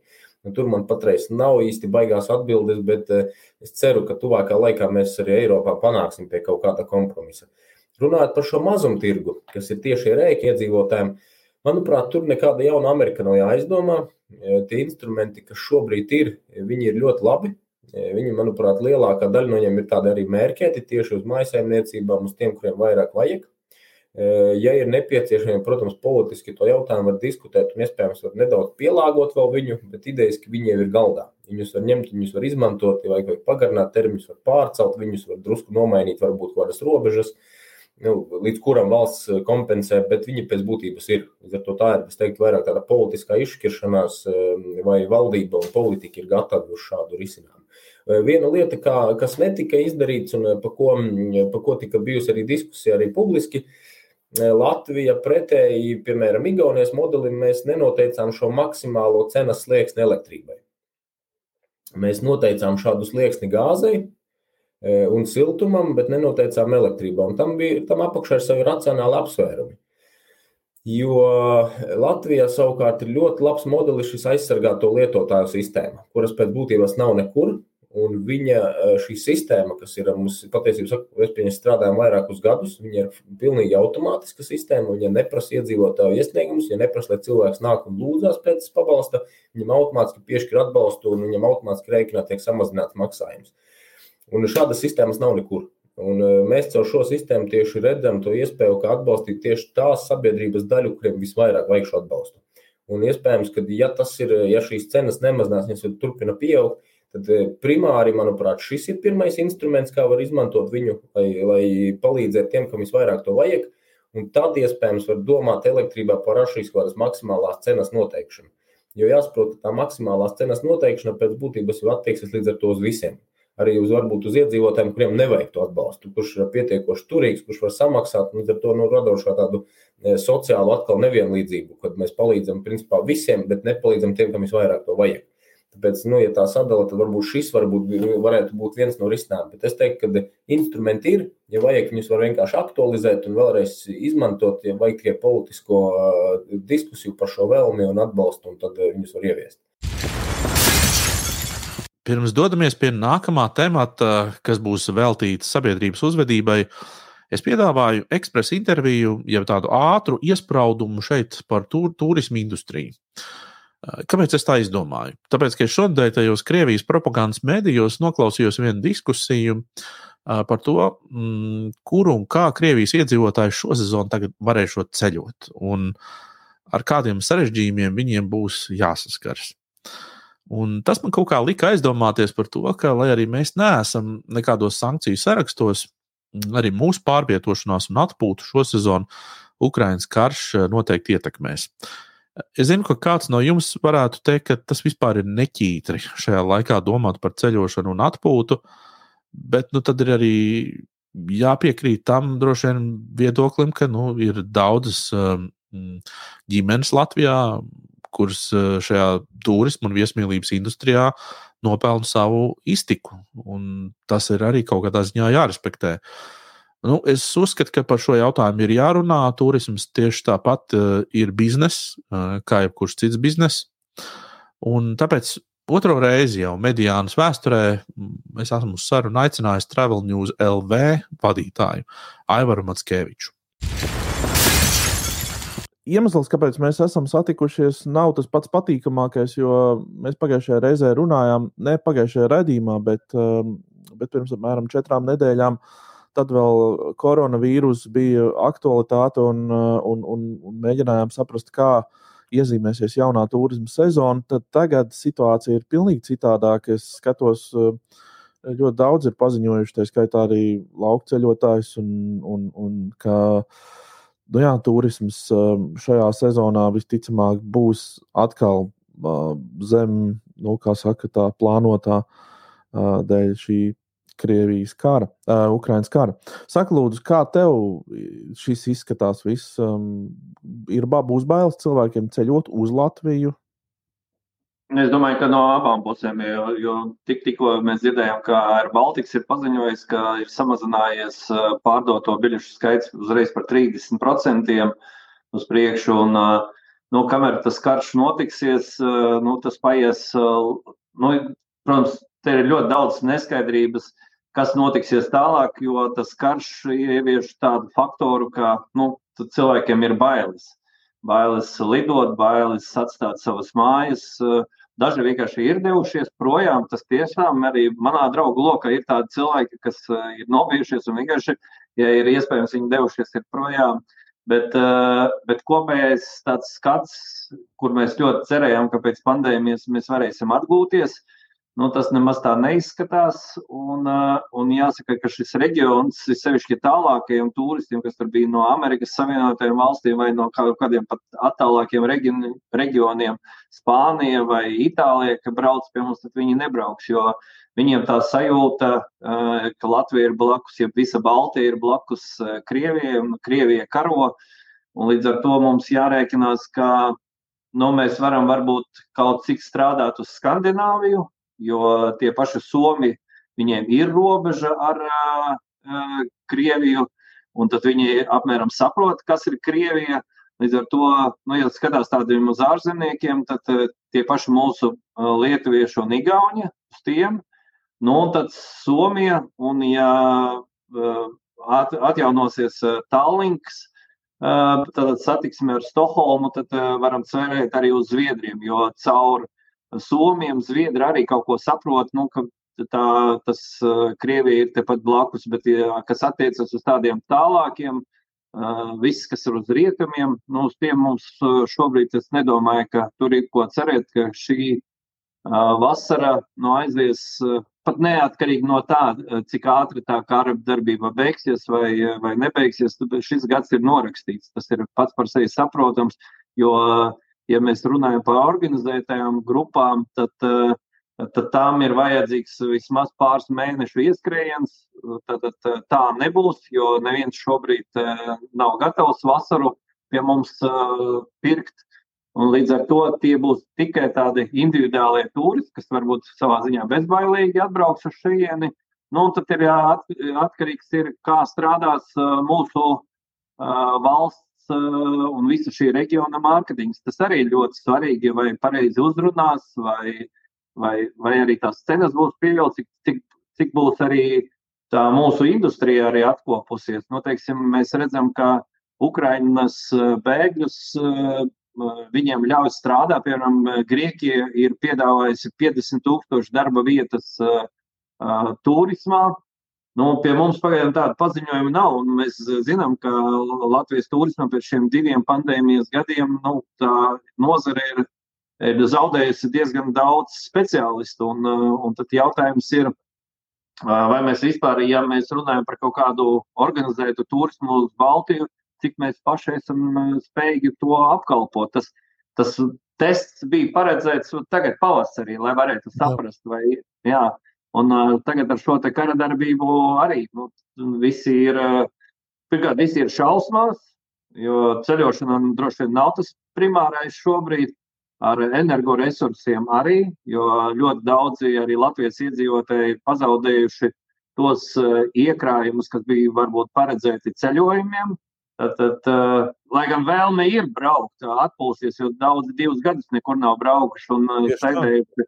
Jā, bet šī finansiālā, tad šī augstās energocenas, degvielas cenas, nu, tas, tas budžets veidojas nevisai liels un var gadīties, ka daži vien skatīsies tepat Latvijas apstākļos. Savukārt, ja runā par lauku turismu, es domāju, ka, nu, ja tā kā viņš par lielākajai daļai vienmēr bija orientēts uz vietējiem ceļotājiem, tad es domāju, ka tās viesnīcas un tās viesunājumi un tā tālāk būs vasaras laikā tīri labi rezervēti. Jo to var arī tagad dzirdēt, kad kāds vēlas uh, norezervēt uh, sev kāzas vai kaut ko tamlīdzīgu. Tās datumi jau uz vasaru visi ir izķerti, nu, labās vietās. Jā, protams. Tas, ko es esmu lasījis, arī ne pat nelasījis, es skatījos BBC, bija, bija stāsts par to, ka arī visi mm, populārie kurorti Spānijā, Francijā, Dienvidos un Itālijā un tur, Grieķijā tā skaitā, esot tomēr sabijušies, jo, jo ar, ar tieši ar to domu, ka cilvēki Eiropā, visā Eiropā, pieturēs naudu, tagad. Uh, viņi ļoti labi saprata, ka, saprot to, ka energoresursu cenas iet augšā. Līdz ar to visa ražošana paliek dārgāka, visa inflācija augšā un vispārējais. Var sakot, cilvēki kļūs piesardzīgāki un tā ceļošanas strauma būs mazāka. Arī Eiropā cilvēki kustēsies un, un atpūtīsies lokālāk. Tu tam varētu piekrist? Jā, tā nu, noteikti. Jo saku, to Uh, budžetu, kas paredzēts ceļojumiem, šobrīd noiet energoresursi. Ļoti noiet, arī Eiropā noiet. Labi, viņiem tas uh, maka biezums ir plā, platāks, teikt, nekā mums. Mums ātrāk nonāk pie tiem resursiem, ka mēs uh, atsakāmies no ceļošanas, bet nu, viņiem tas ir iekrājumi un viss pārējais. Tas, nu, tas ļauj viņiem tomēr vēl skatīties, jo nu, ir arī tāda lieta, ka tas, kas ir 4-5 zvaigžņu segments, Uh, nu, viņi strādā un viņi arī saprot, ka, lai ražīgi strādātu tālāk, uh, vajag arī atpūsties. Tas, uh, tas nozīmē, ka varbūt tas, kas ir virs vidējā tas varbūt tik smagi necietīs, bet šis pamat iedzīvotājs, kas centās visu laiku izbraukt, varbūt pat Rietumē Eiropā divas, trīs reizes gadā kaut kur, ka viņš kādu reizi vai divas noteikti samazinās. Tāpēc tas arī ir interesants moments. Es klausījos, pa, paklausījos arī šajās dienās to propagandas rādio kaut kādas no Maskavā, tur, kas ir. Tur bija tieši vesels viens tāds raidījums veltīts, kas notiks ar turismu un tā tālāk. Un Krieviem, protams, tā lielā sāpe ir visas tās lidmašīnas. Tas nozīmē, ka, protams, viņiem automātiski samazinās vispār iespējas kaut kur izlidot. Tad ir visas šīs slēgtās nu, lidojuma zonas viņiem. Uh, līdz ar to viņi tur tā arī ir izkalkulējuši, ka nu, ir Turcija, uh, tevis pieminētā, ja, kas ir. Uh, nu, kas ir un, un, un tieši arī tika pieminēts to, ka, ka, nu, ja, ka tur, tur būs iespēja satikt visticamāk rietumu rietum valstu iedzīvotājus, un ka tur būs kautiņi un būs uh, ielu kaujas un vēl viss. Un turki to nevar pieļaut. Viņi ļoti labi to saprot. Jā, nu, bet eh, vienlaicīgi, nu, kad vai skatoties arī uz tādu lielu pārvadātāju, kas ir ieguvis ļoti labu slavu, uh, Turkish Airlines, šobrīd viņš ļoti aktīvi paplašina šo lidojumu biežumu un lidmašīnu skaits. Un Jā. viņš ir viens no retējiem, kurš apkalpo Krievijas uh, tirgu. Jo pašas Krievijas līdzsabiedrības baidās lidot ārā, jo sakarā ar šiem līzinga noteikumiem līzinga kompānijas grib atgriezt atpakaļ savas lidmašīnas, un viņas tiek arestētas ārpus Krievijas. Un tagad Turkish Airlines nu, pēc savas būtības uh, pelna naudu.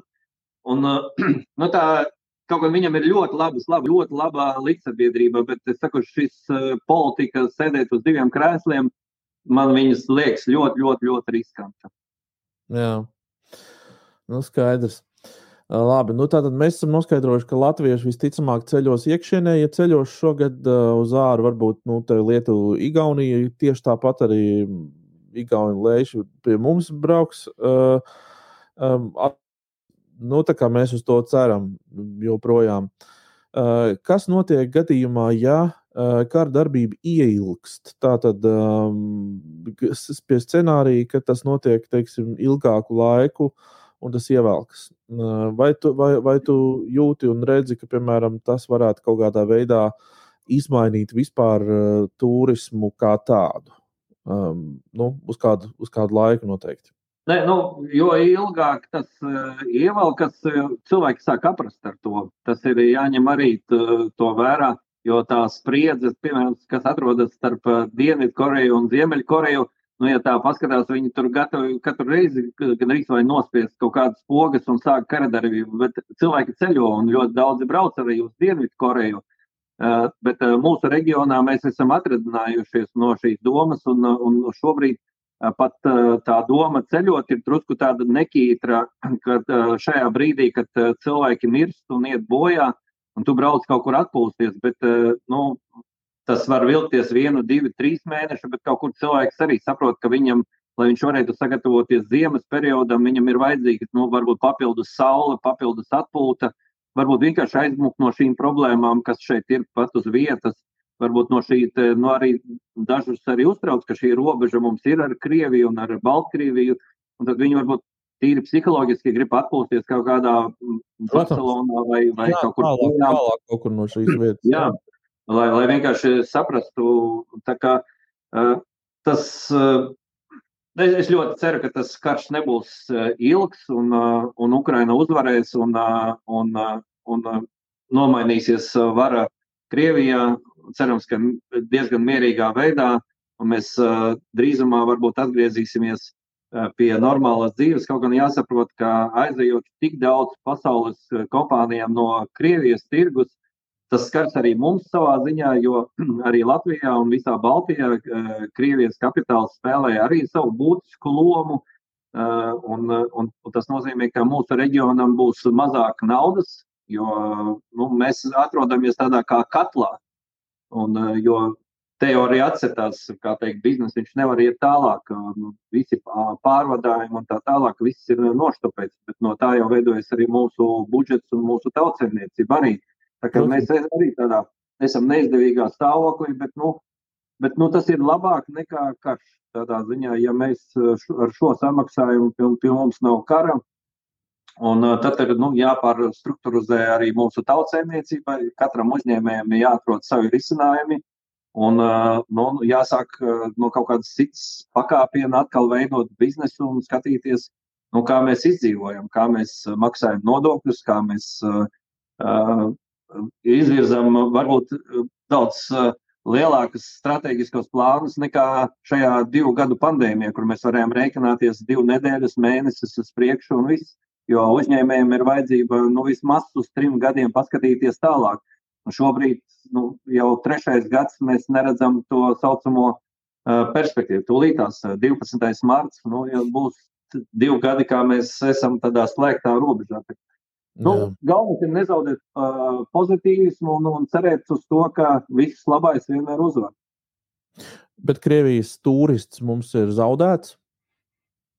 Jā, es kādu laiku noteikti. Tur ir man nepatīk diezgan netīras spēles, manā skatījumā notiek, jo, uh, nu, piemēram, mēs esam uh, vairāk neizsniedzam Schengenes vīzu, bet atkal Ungāri, Itāļi, Franči, uh, Slovāki, viņi izsniedz šīs vīzas, un tas nozīmē, nu, tas Krievijas turists kaut kur jau rausies ārā, un tad, nu, un tad jautājums vienmēr arī šeit par biznesu, nu, ja visi, tad visi, un, uh, un tas, tas savā ziņā nepatīk. Tāpat kā ar Turkish Airlines, ne visiem tā patīkama ir tā sajūta, un tāpat arī attiecībā uz vīzu izsniegšanu, nu, ja to nedara neviens, tad to nedara neviens, vai Ja, ja, ja tā gaisa telpa ir slēgta, tad slēgta. Nē, Kipra atļauj lidot atkal. Nu, tad, tad Eiropa kontrole atkal aizliedz. Nu, nu, tur, tur arī tāds nu, vairāk vajag to vienotību, jo, jo, jo uz mūsu rēķina citreiz nu, kāds cits taisa biznesu. Un tas, laikam, jebkuram uzņēmējam un, un jebkurai tautsēmē nav tas patīkamākais. Vai ir kaut kāda turisma asociācija, kaut kas starptautisks organizācija, kas var kaut ko ietekmēt šajā jomā? Nu, pagaidām, Tad pagaidām varbūt tik tālu nav neviens tur aizdomājis, jo visi tie lēmumi notiek. Te viens aizliedz, te otrs, mēs redzam, kā arī no Krievijas tirgus. Viens saka, mēs paliksim, pēc tam redz to sabiedrības spiedienu un aiziet, un tāpat arī turismā. Nu, arī attiecībā uz daudziem viesnīcu zīmoliem. Daudz ir pieteikuši, ka viņi iziet no Krievijas tirgu, daži ir pateikuši, ka viņi pagaidām neies. Nu, tur arī ir nu, šeit šobrīd katrs kā, divās grozos sašķiras. Balts, melns, nu, kurš paliek, kurš nav paliek. Nu, tur, un uh, katrs skatās, uh, kā uz to visu reaģē nu, šajos galvenajos tirgos. Bet, uh, bet redzams, ka auto industrija, piemēram, nu, tā ļoti labi šajā gadījumā auto industrija izgāja ārā. Principā neviens no rietumu autoražotājiem tur nepalika. Un vēl ir viena lieta, kas ir jāņem vērā līdz ar rubļa principā defaultu, ekonomikas defaultu. Jā. Nu, ir diezgan neiedomājami, ka cilvēki varētu tagad ceļot Krie, Krievi, Krievijā. Redziet, tur ir viena lieta, ka tas uh, simt, gandrīz tie 50 miljoni, tomēr tā ir ļoti nu, liela valsts, kā teikt. Un, ja tu pareizi nomērķi, tad nu, tie, kas eh, kādreiz varbūt pie mums nebrauca, eh, jo viņi lidoja uz Šveici vai vēl kaut kur tam līdzīgi, tagad viņi varbūt ir nolaidušies uz to kategoriju, ka viņi var pie mums. Jautājums, vai mēs viņus, protams, uzrunāt, nu, teiksim, ja gadījumā kaut kāda dzīsla turisma pavērsies un mēs gribēsim redzēt, jo es jau arī neesmu tāds īsts atbalstītājs, kā mēs visu slēdzam, jo turismam ne tikai ir ekonomiskā saikne, nu, vērtība, turismam ir arī šī tautas diplomātija, jo tie Protams. cilvēki, kas ir atbraukuši uz šejieni, viņi ierauga, ka šeit krievu tautības cilvēkus apkalpo un ar viņiem runājas un, un ir laipni, un līdz ar to aizbraucot viņu mājās, viņi var stāstīt, un vai arī redzot tas, kas tiek viņiem deklarēts televīzorē, ka tā nav patiesība. Tā kā līdz ar to tāda tīra dzelzs priekšara nolaišana es īsti neatbalstu, jo vienmēr jārada lai tie cilvēki atbrauc un, un viņi par to vēl paši maksā.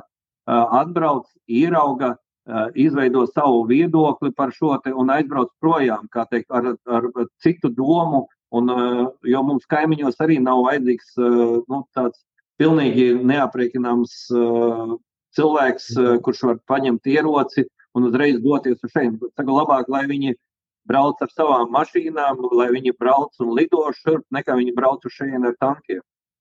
Es tev ļoti piekrītu šajā jomā. Tautu diplomātija tā, tāds lab, laba, labs termins. Jā. Um, Aivar, liels tev paldies, kā vienmēr, Jā. par, par, par tavu laiku un uh, vērt, vērtīgām domām. Paldies! Padomāt. Jā. Paldies! Tev. Aivars ļoti labi ievadīja šodienas raidierakstu nākamo tematu, proti, cilvēku uzvedību. Uh, kur un kā tiks ietaupīts, kam tiks tērēts, kā vispār šajā laikā darbojas patērētāja prāts, un vai mūsējais ir atšķirīgs no tā, ko mēs redzam ārpus mūsu valsts robežām. Dāmas un kungi, es piedāvāju jums sarunu, kuru būšu sadalījis divās daļās. Un tā būs ne ar vienu citu, kā Rīgas Tradiņu universitātes docētāju un sociālo antropologu Andri Šuvājevu. Sveicināts, Andri! Labvakar visiem! Jā, es gribēju tev pavaicāt par uh, par to uzvedību krīzes laikā mēs redzam, to, ka cilvēki diezgan aktīvi izpērk dažāda, dažādas kategorijas preces. Uh, es gribēju saprast, vai tev ir kāds tāds skaidrojums, kāpēc cilvēki krīzes laikā um, nu, tā uzvedas. Ar ko tas ir skaidrojums, vai tev ir tāds kāda ideja? Es domāju, ka droši vien jau diezgan racionāla reakcija uz notiekošo. Eh, tiklīdz mēs saskaramies ar plašāku neskaidrību par nākotni, tā gluži likumsakarīgi mēs vēlamies apdrošināties pret dažādu veidu riskiem. Un, protams, eh, šajā gadījumā eh, pārtika vai, vai cita veida patēriņa preces ir, ir, ir tās, kuras mēs tā, nu, ikdienā mēs pār, pār, patērējam skaidrs vis, visvairāk. Līdz ar to tā ir tā kategorija, kas, kas līdz ar to arī izpelnās šādu veidu Um, nu, ja neizpelnās, bet līdz ar to šādu, šādu veidu uzvedība ir mērķēta uz, veidu, uz, šī, uz, šī, uz šīm preču kategorijām. Skaidrs, ka vismaz divi elementi ir, ir, ir, ir saistīti šajā procesā. Pirmais ir, ir, ir, ir uh, nepieciešamība, kā jūs teicat, nodrošināties un vienkārši lielā mērā sagatavoties gadījumiem, ja nu gadījumā šīs preces nav pieejamas nākotnē. Karš ir viena no, viens no šiem aspektiem, kur, kur, uh, kur šāda veida um, domāšana un izpratne var tik tiešām, var tik tiešām saprast. Uh, ja, ja šāda veida uzbrukums ir negaidīts, tad, uh, tad gluži likumsakrīgi cilvēki vēlās pārliecināties, ka vismaz pārtika viņiem ir nodrošināts pāris dienām. Bet otrs, un, un tas jau droši vien ir šim, šim kontekstam daudz um, atbilstošāks skaidrojums, ir, ir protams, cenas. Jo mēs jau zinām, ka pēdējā gada laikā um, pārtikas cenas ir augušas. Ja es nemaldos, pēdējā, iepriekšējā gada laikā tie bija 7 līdz 9 procenti. Šīs cenu kāpums ir turpinājies janvārī un februārī. Ja es nemaldos, gandrīz 90% no Latvijas valsts iedzīvotājiem šobrīd saka, ka pārtikas cenas ir pārāk augstas. Un, un, un karš, protams, šīs piegādes ķēdes um, nospriegos vēl vairāk. Mēs jau tagad zinām, ka, ka kvieši un, un, un graudaugu cenas celsies. Un, un šajā gadījumā mēs arī, protams, to redzam arī energoresursu ziņā. Mēs redzam, ka cilvēki jau benzīna tankos uh, ņem līdzi kannas, lai, lai uzpildītu naftu, redzot, ka tās cenas mainās tiešām ik pa minūtēm un stundām. Uh, Un šajā gadījumā, protams, tā ir no, no individuālās perspektīvas ļoti likumsakarīga rīcība šādā veidā, teiksim, tā, navigēt šo gaidāmo cenu kāpumu. Protams, tas, ko tas nodara kolektīvā līmenī, ir tas, kas ir interesanti. Protams, jo vairāk cilvēki tā dara, protams, jo, jo, jo, jo, jo lielāks tas negatīvais efekts kopumā, jo vairāk tās cenas kāpsies, protams, īstermiņā, um, jo, jo, jo grūtāk citiem būs nodrošināties. Um, Bet, eh, bet tas ir, protams, mēs to redzam jebkuras krīzes gadījumā. Mēs to redzējām pandēmijas sākumā un, un praktiski jebkurā situācijā, kad tā nedrošība par nākotni pieaug. Jā, eh, vai tā ir mm, kāda īpaša kategorija ar cilvēkiem, kas tā dara? Jo ir, ir cilvēki, kas to dara, ir cilvēki, kas to nedara. Nu, piemēram, nu, es to nedaru, bet vai tas nozīmē, ka tāpēc, ka es jūtos nezinu, drošāks vai, vai, vai kaut kā citādāk, es nezinu, kā to var skaidrot, kā to var izskaidrot? Tas ir interesants jautājums. Tas, vien, tas, būtu, tas būtu viens no šādiem jautājumiem, kur, kur būtu vērts tiešām apskatīties un iegūt, iegūt datus, lai, lai, lai varētu izdarīt tādu tiešām pamatotu to secinājumu. Bet var jau, var jau veidot tādu izglītotāku minējumu. Visticamāk, tas varētu būt saistīts, ja mēs, nu, es, dro, es droši vien to skatītos tādā sociālā, ekonomiskā perspektīvā, tik tiešām. Ehm, pieņēmums, ka teiksim, zemāku ienākumu grupas ehm, būtu vairāk iesaistītas šāda veida darbībās, droši vien būtu savā ziņā pamatots. Jo skaidrs, ka ja nav um, uzkrāti lieli finanšu resursi, un kā mēs zinām, tad Latvijā um, aptuveni trešdaļai, ja nemaldos, iedzīvotāji nav uzkrājumu gandrīz nekādu. Um, šāda veida situācija, protams, var radīt pietiekami lielu stresu un, un trauksmi, kas varētu motivēt um, šādu veidu uzvedību. Un atkal ir īpaši zinot, ka tās cenas augs um, šāda veida sociālajā, respektīvi zemo vai vidēji zemo ienākumu grupām, šāda veida uzvedība droši vien būtu raksturīga un arī vairāk saprotama.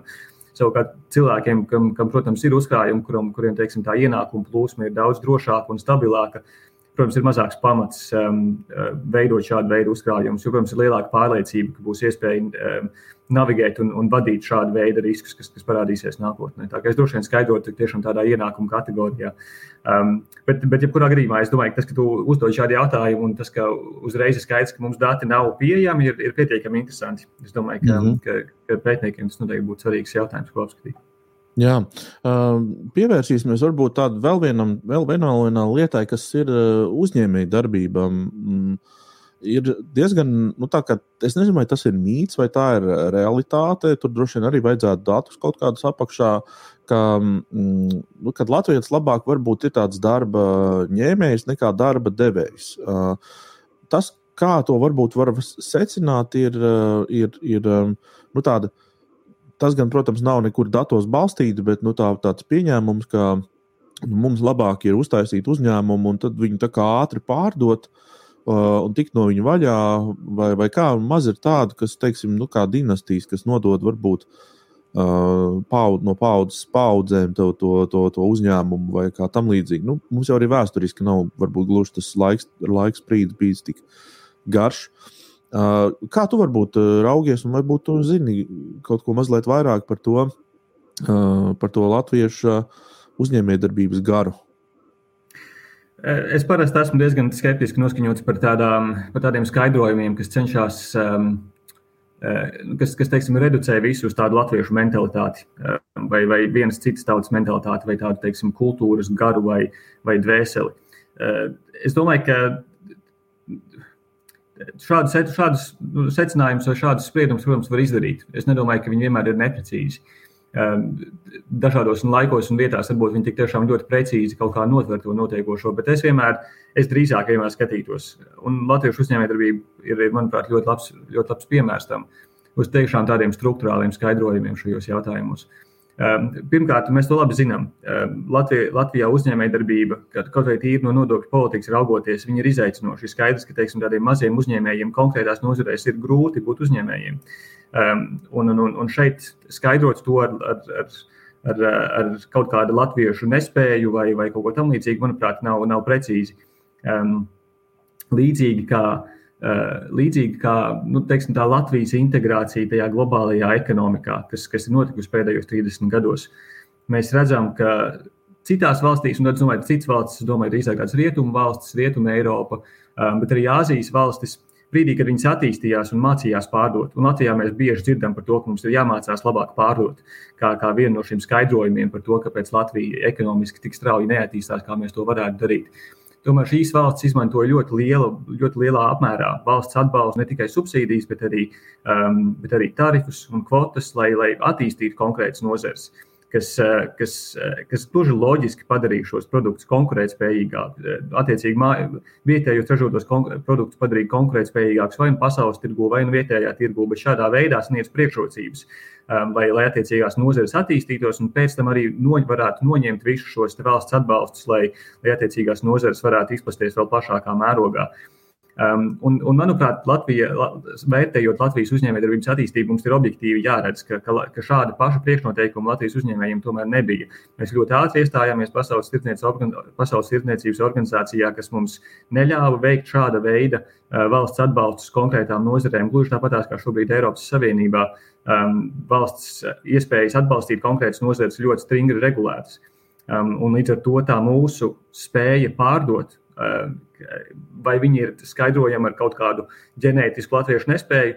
Manuprāt, nē, manuprāt, tur ir skaidri politiski, ekonomiski apsvērumi. Es domāju, ka mēs, ja, ja mums būtu līdzīgas iespējas attīstīt savas nozares, tad, tad arī mums tā spēja pārdot būtu daudz lielāka. Tas nozīmē, ka, piemēram, nu, tas slieksnis uzņēmējdarbībā, lai iekļūtu, ja, viņ, ja tas būtu lēzerāks, tad daudz vairāk cilvēku droši vien pamēģinātu šādu lietu? Tieši tā, jo, jo tāpēc, jau, tāpēc jau mums ir valsts un sabiedrība. Ja ir skaidrs, ka uzņēmējiem vienam pašam ir ļoti grūti izveidot um, pasaulē vai pat vietēji konkurētspējīgi uzņēmumi. Tur ir nepieciešama šī apkārtējā sociālā infrastruktūra, un tāpēc jau sabiedrība ir, ir, ir, ir nepieciešama, jo sabiedrība var radīt apstākļus, kad teiksim, šīs sākotnējās izmaksas tiek plašākā veidā izdalītas pa sabiedrību, lai spētu palīdzēt atsevišķiem, um, atsevišķiem, no atsevišķām nozarēm, kas, protams, atkal pēc tam var sniegt daudz lielāku ieguldījumu sabiedrībā, gan ar nodokļu maksājumiem, gan nodarbinot cilvēkus un tā tālāk. Te mazliet uh, paņemsim pauzi, Ar Andru mēs vēl sarunu turpināsim, bet eh, šeit es gribētu ielikt pa vidu tādu nelielu provokāciju. Proti, to mums ir sagādājis mans kolēģis no Prudentija, uh, diena pēc biznesa uh, autors Girts Rungainis, kurš Luminoru galvenajam ekonomistam Pēterim Strautiņam vaicāja, kura uh, visām tām dīvainībām, ko mēs novērojam cilvēku uzvedībā, nu, pie veikalu plauktiem, gan gan arī uzņēmējdarbībā, uh, kur tam visam aug saknes. Un es piedāvāju paklausīties citātu no vēl nepublicētas dienas pēc biznesa sarunas ar Pēteru Strautiņu. Latvijā uh, ir bijuši uh, autori uh, mūsu literatūras vēsturē, kuri absolūti ģeniāli ir uh, cildinājuši atpalicību un, un, un ultratradicionālu dzīvesveidu un, un stagnāciju. Teiksim, uh, Eh, teiksim, teiksim, eh, absolūti brīnišķīgā, brīnišķīgā grāmata straumēna, kur, nu, man droši vien sagādā, nu, tāpat lasīšanas process eh, sagādā, sagādā tādu nu, ļoti lielu emocionālu prieku, bet, bet tā grāmata ir tik laba, ka to, to viņi var uztvert pārāk nopietni. Un, un teiksim, pārāk, pārāk, pārāk reāli. Un, Eh, ko mēs redzam, liela, ļoti daudz enerģijas pēdējos 30 gados Latvijā ir bijis iztērēts par ekonomiku, domājot nevis kā nu, veidu, kā kļūt tirgīgiem, bet tradicionālā dzīvesveida uzturēšanas veidu. Un, starp citu, ja palasa Edvards aizsilnieku grāmatu pirmās neatkarības laikā, lielai daļai Latvijas politiskās elites tas bija absolūta pārliecība un ticība. Bija pat viens tā laika politiķis, vai tas nebija Arvids Bergs vai kāds cits, vai Miķels Valters varētu būt, kurš bija teicis, ka, ka latviešu izpratne par ekonomiku vispār nav kapitāla uzkrāšana. Nu, respektīvi, nevis kļūšana par bagātību. Tā ir jā, tradicionālā dzīvesveida saglabāšana. Un, un toreiz, toreiz jau tā politika nu, nebija tik veiksmīga, kā to dažkārt latvieši domā. Bet kā nu, pirmā, pirmā valsts traģiski gāja bojā, un eh, tā stāsts tika uzturēts visu laiku, nu, kā tāds veids, kā uzturēt nacionālo pašapziņu. Padomu laikā tas bija, nu, tā, tas bija pareizi to, to laiku idealizēt. Eh, kaut kā tad, kad neatkarība tika atgūta, eh, tika, netika padomāts par to, kā mācīties no tā laika kļūdām. Mēs, mēs esam turpinājuši idealizēt Eh, pirmās neatkarības ne gluži veiksmīgo ekonomisko politiku. Tā vietā, lai, tā vietā, lai tos mācītu. Nepamanot, ka, ka, ka padomju savienība sabrukusi un nav, nav vajadzīgs vairs to laikmetu turēt tā tādu svētbildi pie sienas. Interesanti. Es gan, es gan atkal būtu piesardzīgs par šādu veidu skaidrojumiem un drīzāk to uh, Drīzāk tas, ka, piemēram, Strautiņa kungs izlasa šāda veida interpretāciju, drīzāk atspoguļo to šī brīža kontekstu, vairāk nekā, manuprāt, to kontekstu, kurā grāmatas tiek rakstīts. Jo, jo jebkuru no šiem tēliem, jebkuru no šiem narratīviem, kas, teiksim, ir rodams latviešu literatūrā, tās interpretācijas ir daudz un dažādas, un viņas ir mainīgas atkarībā, atkarībā no tā laikmeta, kurā mēs dzīvojam. Esmu pārliecināts, ka, ja šobrīd Latvija Eh, Latvijā uzņēmējdarbība zelta un plauktu, un mums būtu pasaulē globāli konkurētspējīgi uzņēmumi, eh, tad mēs šo pašu literatūru varētu izlasīt arī pilnīgi pretēji. Un, un redzot šajos pašos tēlos un sižetos uh, liecības, kas, kas liecina par pretējo. Tas drīzāk atspoguļo to, to, nu, saku, to kontekstu, kurā mēs dzīvojam šobrīd, kas arī ir pietiekami nu, nozīmīgs kā, kā teiksim, sociāls fakts, kuru analizēt. Bet, bet es noteikti nedomāju, ka latviešu literatūra mūs kodē. Uh, Eh, bet tajā pašā laikā, nu, kodē uz tādu noteiktu uzvedību, eh, bet tajā pašā laikā ir skaidrs, ka tas, kā teiksim, skolā eh, nu, māca šo literatūru, vai arī tas, kā mēs viņu šobrīd lasām un interpretējam, un, Jā. un tas, kā tas mūsu laikmets mums liek interpretēt, protams, ietekmē to, kā mēs pēc tam dzīvē darbojamies. Tā kā, tā kā savu veidu, nu, teiksim, tā vērtība šāda veida interpretācijās ir, bet es nedomāju, ka viņi ir viennozīmīgi un, un galīgi. Esiet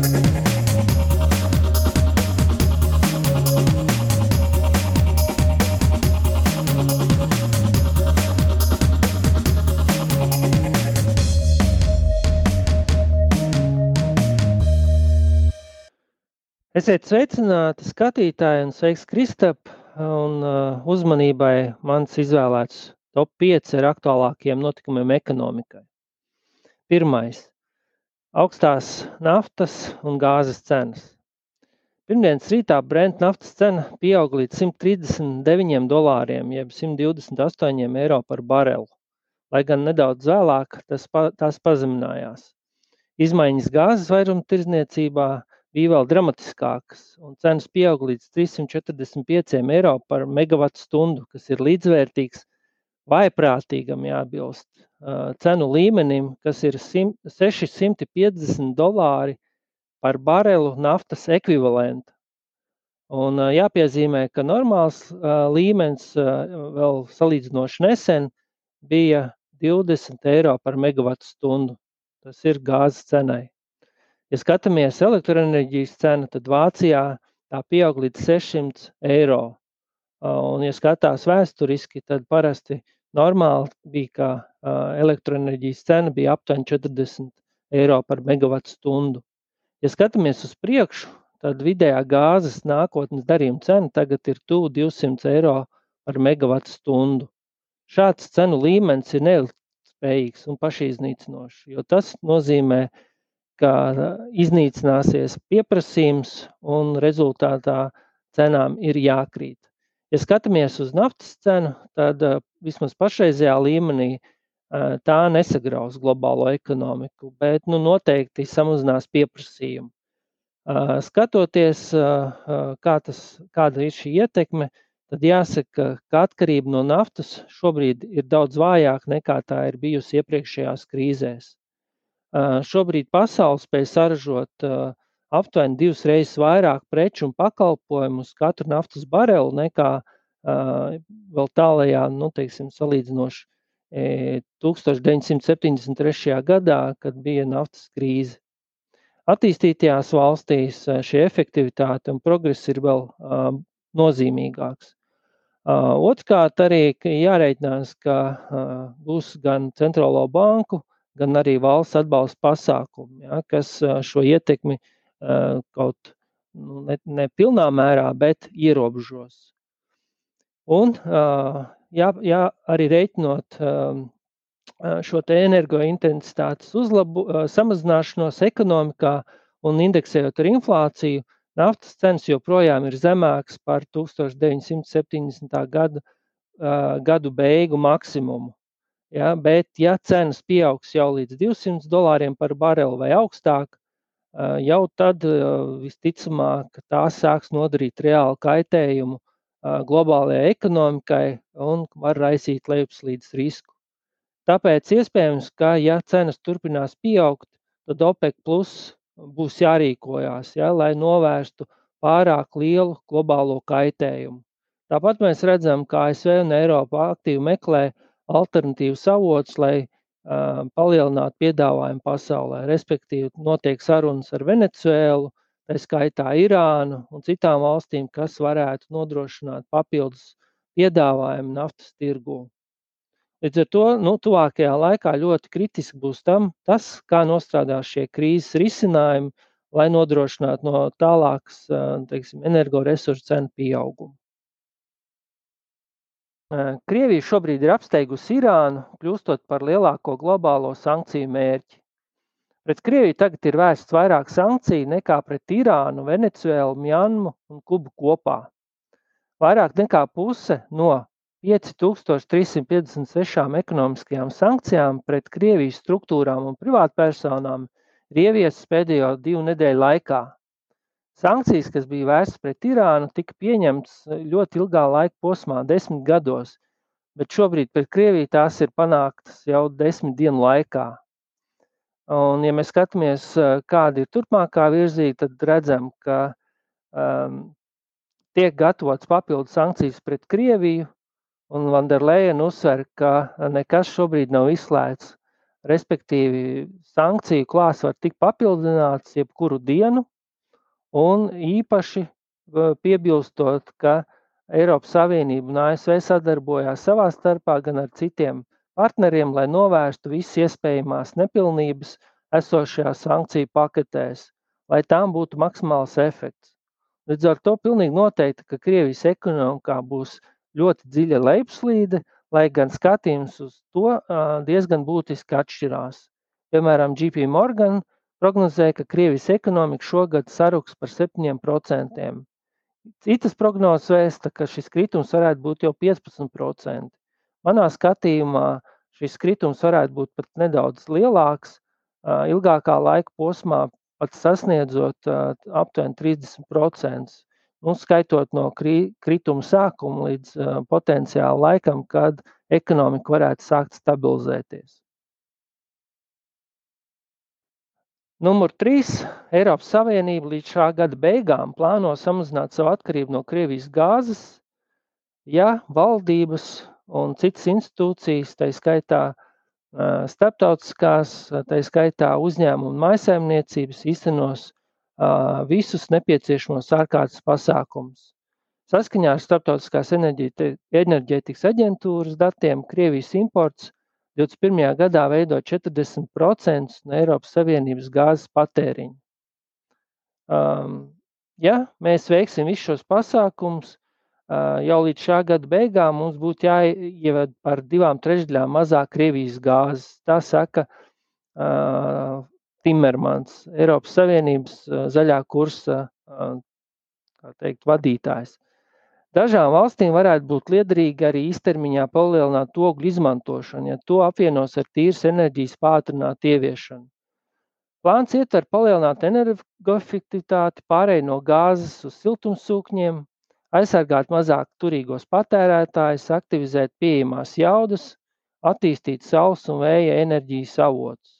Citiem vārdiem sakot, ļoti būtisks pātrinājums zaļajā kursā, kas nozīmē to, ka gan individuālā līmenī, gan arī uzņēmuma līmenī, gan arī valdības līmenī būs ļoti aktīvi jāiesaistās šajos pasākumos, lai mazinātu um, resursu patēriņu un attiecīgi spiedienu uz cenu. Skatoties arī turpmāk, visticamāk, ASV var piemērot sankcijas pret enerģijas sektoru arī vienpusēji, bez Eiropas. Un, ja skatāmies, tad Eiropas komisijas plāns ir līdz šā gada beigām likvidēt līdz 80% Krievijas gāzes importu, kas ir, nes, kas ir ļoti liels izaicinājums un prasīs lielas investīcijas. Un neatkarīgi no tā, kā norisināsies karš, vēlme sadarbībā ar Krieviju būs ļoti minimāla. Un galvenais secinājums, ka tas viennozīmīgi būs dārgi, bet virziens ir akmenī iecirst, un tas būtu jāņem vērā pilnīgi ikvienam. Saskaņā ar Ķīlas Pasaules ekonomikas institūta aprēķiniem, Ukrainas karš jau ir izraisījis pasaules tirzniecības palēnināšanos. Tas ir tiek rēķināts, ka kritums februārī ir sasniedzis 5,6%. Savukārt, ja paskatāmies Ķīnas tirzniecību ar Krieviju, šā gada pirmajos divos mēnešos ir pieaugusi par 38,5% gada laikā. Savukārt, kopumā Ķīnas kopējā tirzniecība ir pieaugusi tikai par 16%. Nu, mēs varam secināt, ka savstarpējā sadarbība jau aktivizējas, un visticamāk, tā aktivizēsies arī turpmāk. Ķīnu uz Krieviju galvenokārt eksportē iekārtas un sadzīves priekšmetus, bet importē jēlnaftu un citus enerģijas avotus. Tiek uzskatīts, ka divpusējā tirzniecība ir daļai pieaugusi preču pieauguma cenu dēļ, kā arī no lielākiem iekārtu un citu produktu sūtījumiem. Ja. Un saskaņā ar Ķīnas muitas datiem pērn kopējā tirzniecība sasniedza 150 miljardus dolāru, kas ir pieaugusi par aptuveni vienu trešdaļu.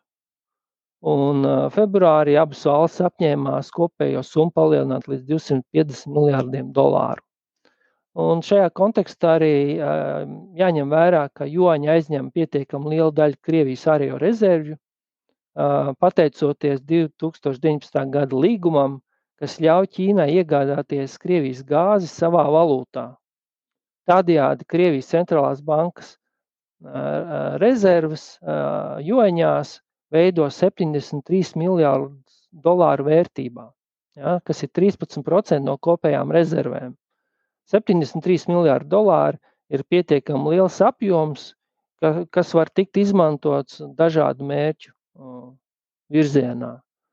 Un uh, varam arī sagaidīt, ka neskatoties uz to, ka Ķīna apgalvo, ka ievēro sankcijas un visādi citādi um, mēģinās, nu, teiksim tā, Mm, pieslieties rietumu kopējam noskaņa, nu, teiksim, vērtējumam, Ķīna tomēr varētu jau mazāk oficiālā līmenī, mazo un vidēju uzņēmumu līmenī turpināt ļoti efektīvi sadarboties ar Krieviju, piegādājot daudz pre, preces un pakalpojumus, kas šobrīd nebūs pieejami, jo daudzas rietumu kompānijas no šī tirgus ir vienkārši izgājuši.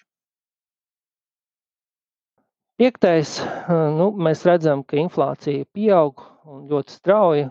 Tādēļ pieaugušā inflācija un sarežģījuma ekonomikā liek centrālajiem banķieriem ārkārtīgi nu, izvērtēt savus turpmākos lēmumus. Tādēļ ECB visticamāk atliks jebkādu nozīmīgu lēmumu pieņemšanu, kamēr tā nu, spēs novērtēt Ukraiņas kara ekonomiskās sekas. Nu, visticamāk, virziens ir skaidrs, jo kopējais skatījums ir, būs tāds, ka Eirozonā izaugsme būs lēnāka, bet inflācija augstāka. Līdz ar to tiek izvērtēta arī lejupslīdes riska Eiropā, skatoties tīri no caur inflācijas saikni ar izaugsmu, tur mēs tādu ļoti tiešu saikni nevaram redzēt. Augsts inflācijas periodos izaugsme, protams, palēnināsies, bet periodi, kuros mēs piedzīvojam lejupslīdi ar augstu inflāciju, ir sakrituši ar, ar citiem traucējumiem. Piemēram, Vācijas atkal apvienošanās, Vācijas smagie gadi 2000. gadu sākumā, eiro finanšu krīze, covid krīze, un, protams, ka pārliecinošāks periods ilgajā vēsturē ir naftas krīze 70. gados. Un tādēļ šobrīd, ņemot vērā kara un sankciju ietekmi un augsto inflāciju, lejupslīdes riski ir pieauguši. Tomēr šobrīd kopējais skatījums ir tāds, ka Eiropa, tā skaitā arī Latvija, varētu no lejupslīdes izvairīties. Un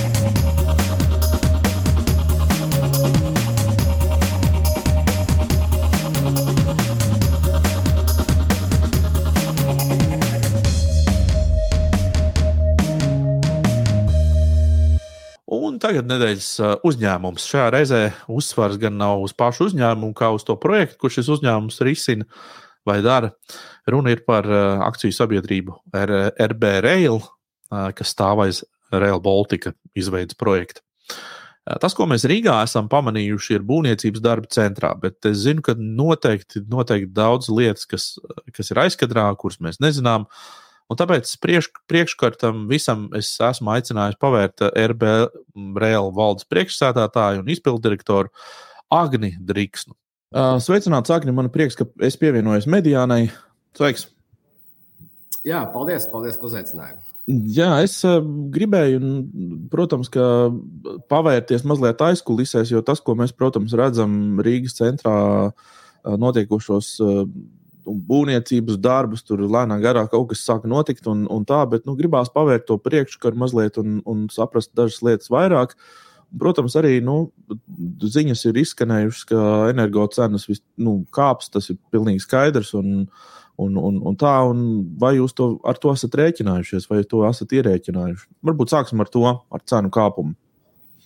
Es domāju, ka šajā momentā neviens nav ierēķinājis to, kas notiekās. Tāpēc, ka teiksim, šis pārsteidza pasauli nesagatavotu, un, un, un šāds, šāds scenārijs, protams, nav ierēķināts nevienā projektā un nevienā dzīves situācijā. Jā. Un arī šobrīd, ja jūs man prasat, kas teiksim, ir tā ilgstošā ietekme uz projektu vai uz ekonomiku, tautsēmniecību un kopumā, nu, to šobrīd ir ļoti grūti pateikt. Tāpēc, ka droši vien ka pirmais uzdevums, kas ir mūsu sabiedrībai kopumā, globālajai sabiedrībai, ir pārtraukt šo karu neatkarīgi no tā, faktiski, kāda ir to sankciju ietekme uz vienu vai otru nozari. Tas ir pirmais uzdevums. Un tālāk jau mēs varam skatīties, kāda ir ietekme īstermiņā, kāda ietekme ir īsti ilgtermiņā. Un, protams, vēl jau svarīgāk ir arī saprast teiksim, projekta nozīmīgumu reģionam kopumā. Ka tas nav tikai transports vai tas nav tikai dzelzceļš, bet tas ir jautājums par drošību, tas ir jautājums par vienoto Eiropas telpu un tā tālāk. Tā, es domāju, ka šī situācija, kas ir Ukrainā, iedod diezgan daudz ko padomāt arī par tā projekta kopējo nozīmi. Jā. Pat teiktu par tādu simbolisko nozīmi. Jā, tas, bet nu, tik un tā, tev operacionālās lietas ir jādara un ikdienā procesi jāvada. Uh, kas ir tas uh, ātrais scenārijs šobrīd? Šobrīd ir tā, ka, ja mēs skatāmies trīs Baltijas valstis, tad uh, primāri notiekās projektēšana, visās trijās valstīs, ja, kuram droši vien tiešas ietekmes nav, tāpēc ka tas ir papīra daļa lielākā, un ir sākušies būvdarbi katrā valstī. Un, attiecīgi, tad es domāju, ka īstermiņā šobrīd būvdarbu tā, tas temps un tā fāze ir tāda, ka droši var turpināt nākamajam teiksim, periodam. Drīzāk ir jāstāsta, kas notiekās ar būvdarbiem 23. gadā, 24. Vai faktiski šīs cenas ir vienkārši īslaicīgs lēciens, kas neatstās būtisku ietekmi, vai tam būs ilglaicīgas sekas. Un tad, protams, kad ir jāstāsta teiksim, par pieejamo finansējumu, vai tas projekts teiksim, iet uz priekšu pilnā gaitā. Bet, kā jau es minēju, projektam droši vien ir galvenā nozīme ir šī strateģiskā loma. Ja, tā ka neatkarīgi no tā, kāds ir scenārijs pēc 10, 20 gadiem, bet noteikti mēs redzam, ka projekts ir vitāli svarīgs trīs Baltijas valstīm un Eiropai kopumā taisni ņemot vērā gan notikumus Ukrajinā, gan arī turpmāko nepieciešamību ekonomikas stimulēšanai, atvesļošanai un visam pārējiem. Tā, tas nav vairāk stāsts tikai par Covid, bet tas tagad ir pavisam plašākā kontekstā nozīmīgs. Jā, jau pēc būtības um, Real Baltica faktiski ir tāds pirmais lielais projekts, kas ļoti skaidri un konkrēti parāda šo uh, ne horizontālo, bet vertikālo uh, pozicionēšanos geogrāfiski. Nu, ka, uh, Tā tad ir tāda ļoti cieša sasaiste ar Eiropu, nu, un mēs varam, kā saka, arī kravu pārvadāšanā un visā pārējā parādīt nu, tādu, kā saka, ļoti precīzu nostāju, nu, arī ģeopolitiski. Tas ir pilnībā jauns koridors. Jo ne jau pavēlti, teiksim, saka, ka Baltijas valstis transporta ziņā ir līdzīga salai. Mēs varam atlidot vai mēs varam atbraukt pa ceļu. Uh, bet tādā ziņā šis ātrais dzelzceļa savienojums nozīmē pilnvērtīgu atgriešanos dzelzceļa kopējā telpā. Un tas nozīmē savienojumu nepārtrauktu, kas ir būtisks, nepārtrauktu savienojumu no Tallinas caur, caur Latviju, Lietuvu, tālāk uz Poliju, Berlīnu un jebkuru citu Eiropas valsti. Un tas atkal faktiski no tāda ekonomiskā skatu punkta, tas tev dod iespēju dažādot, teiksim, tās kravu plūsmas un attīstīt pilnībā jaunu koridoru. Jo līdz šim, kā mēs redzam, arī trijās Baltijas valstīs pārsvarā tas ir austrumi rietumi.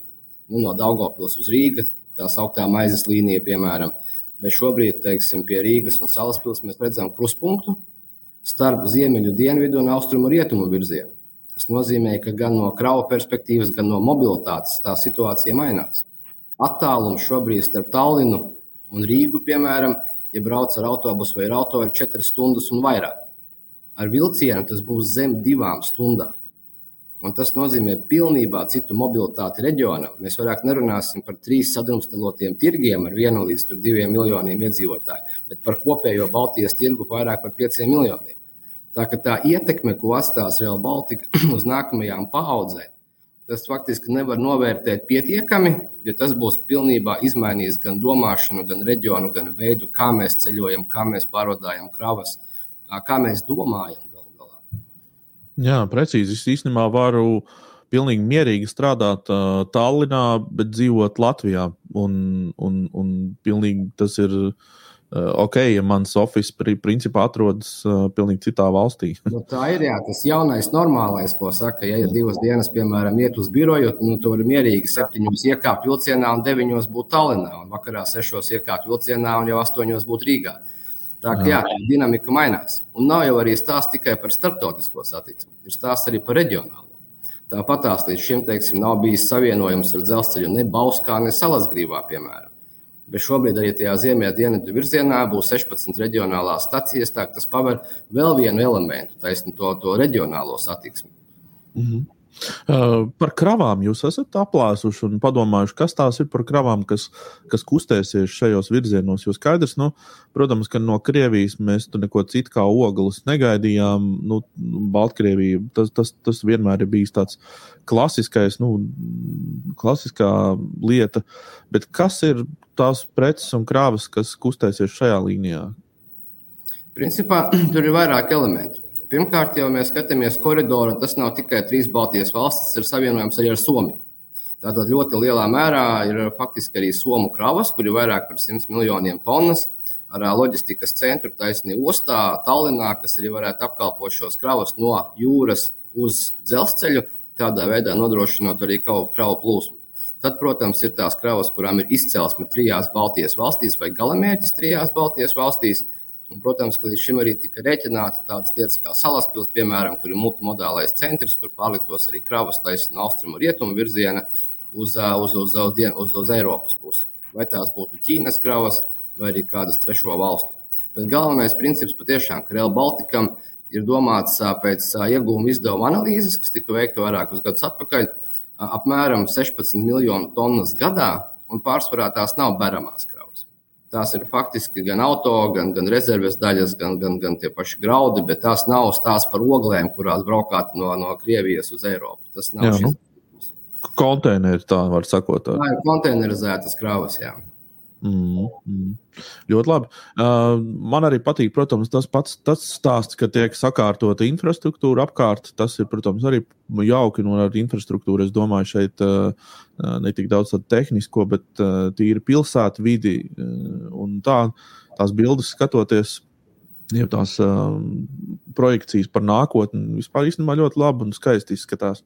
Um, nozīmīgi, jo tā doma jau ir tāda, ka, ja tu būvē kaut kādu jaunu infrastruktūru, tu ņem vērā gan pilsētu vidi, gan arī esošo infrastruktūru. Nu, pieņemsim, Rīgas centrālā stacija ir tās tipiskas piemērs, kur ienāca iekšā ar Eiropas dzelzceļu esošajā stacijā. Un tas nozīmē, ka vienlaicīgi tu gan izveido priekš jaunās infrastruktūras, kas tev ir nepieciešams, tajā pašā laikā modernizē esošo. Jo pasažiera viedokļa, jo no pasažiera viedokļa tas ir neatkarīgi no kurā vilcienā viņš kāp iekšā. Vai viņš brauks, piemēram, uz Berlīnu, vai viņš brauks uz Bausku, vai viņš brauks uz uh, Daugopili, tam pakalpojumam un pieejamībai jābūt ir tai pašai. Līdz ar to iegūst gan esošie pārvadātāji un esošie teiksim, klienti esošiem dzelzceļam, gan jaunie. Un, protams, kas ir būtiski no tādas izmantojamības viedokļa, ir tā pēdējā jūdzi, kas ir gan kravām, gan pasažieriem. Kādā veidā tiek nodrošināta sinerģija, piemēram, ar autoostu, kādā veidā tiek cilvēki nokļūst pie stācijas vai ar kājām, vai ar auto, vai ar velosipēdiem, kas noties ar apkārtējā attīstība. Gan no uzņēmēju viedokļa, gan arī no pilsētas, teiksim, labiekārtošanas un tā tālāk. Līdz ar to, jebkurā no trijām Baltijas valstīm, galvenās stacijas, kas ir, viņas tiek skatītas visaptvaroši, gan no transporta plūsmu viedokļa, gan no pilsētas attīstības. Jā, ļoti labi. Uh, saki, lūdzu, jūs principā atņemat darbu ar Baltiku, vai ne? Nu, maršrutos vismaz uh, uz Viļņu un Tallinu, jo es neredzu nekādu vispār, uh, vispār jēgu vairs kāpt lidmašīnā šajos, šādos attālumos. Nu, kā, gan, Patiesībā ir tā, ka teiksim, tie īsie reisi, kas ir uz Tallinu un Rīgu, viņi jau nav ne paši rentablākie, ne interesantākie. Fakts. Savukārt, to, ko ar Baltikas iegūst, ir, ka stacija šobrīd būs lidostā, Un faktiski tu varēsi no dzelzceļa stācijas vienā līmenī ar izlidošanu platformā nonākt no dzelzceļa stācijas uz, uz, uz, uz, uz, uz, uz, uz lidostu.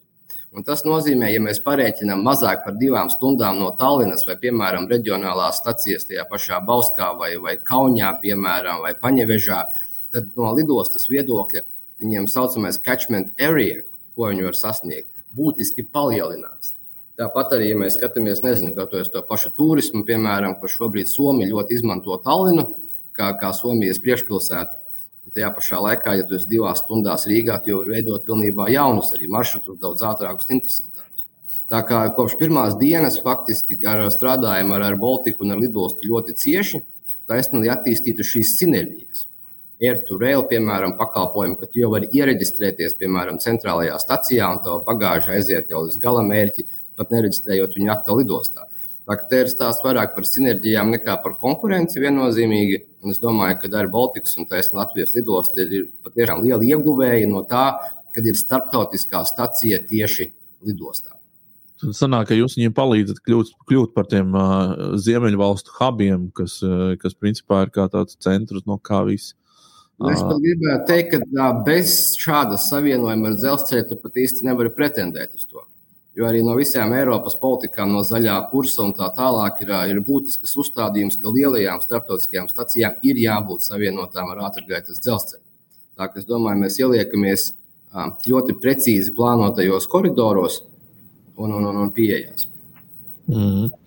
Um, ja mēs runājam par, nu, tomēr mazliet tā pafilozofējot par to um, ekonomiku un ieguvumiem, tu minēji jau to, ka tas faktiski šajā brīdī vēl pat ir tā nenovērtējama, un varbūt pat mēs nezinām visus aspektus, kādus, kādi ieguvumi būs ekonomikā.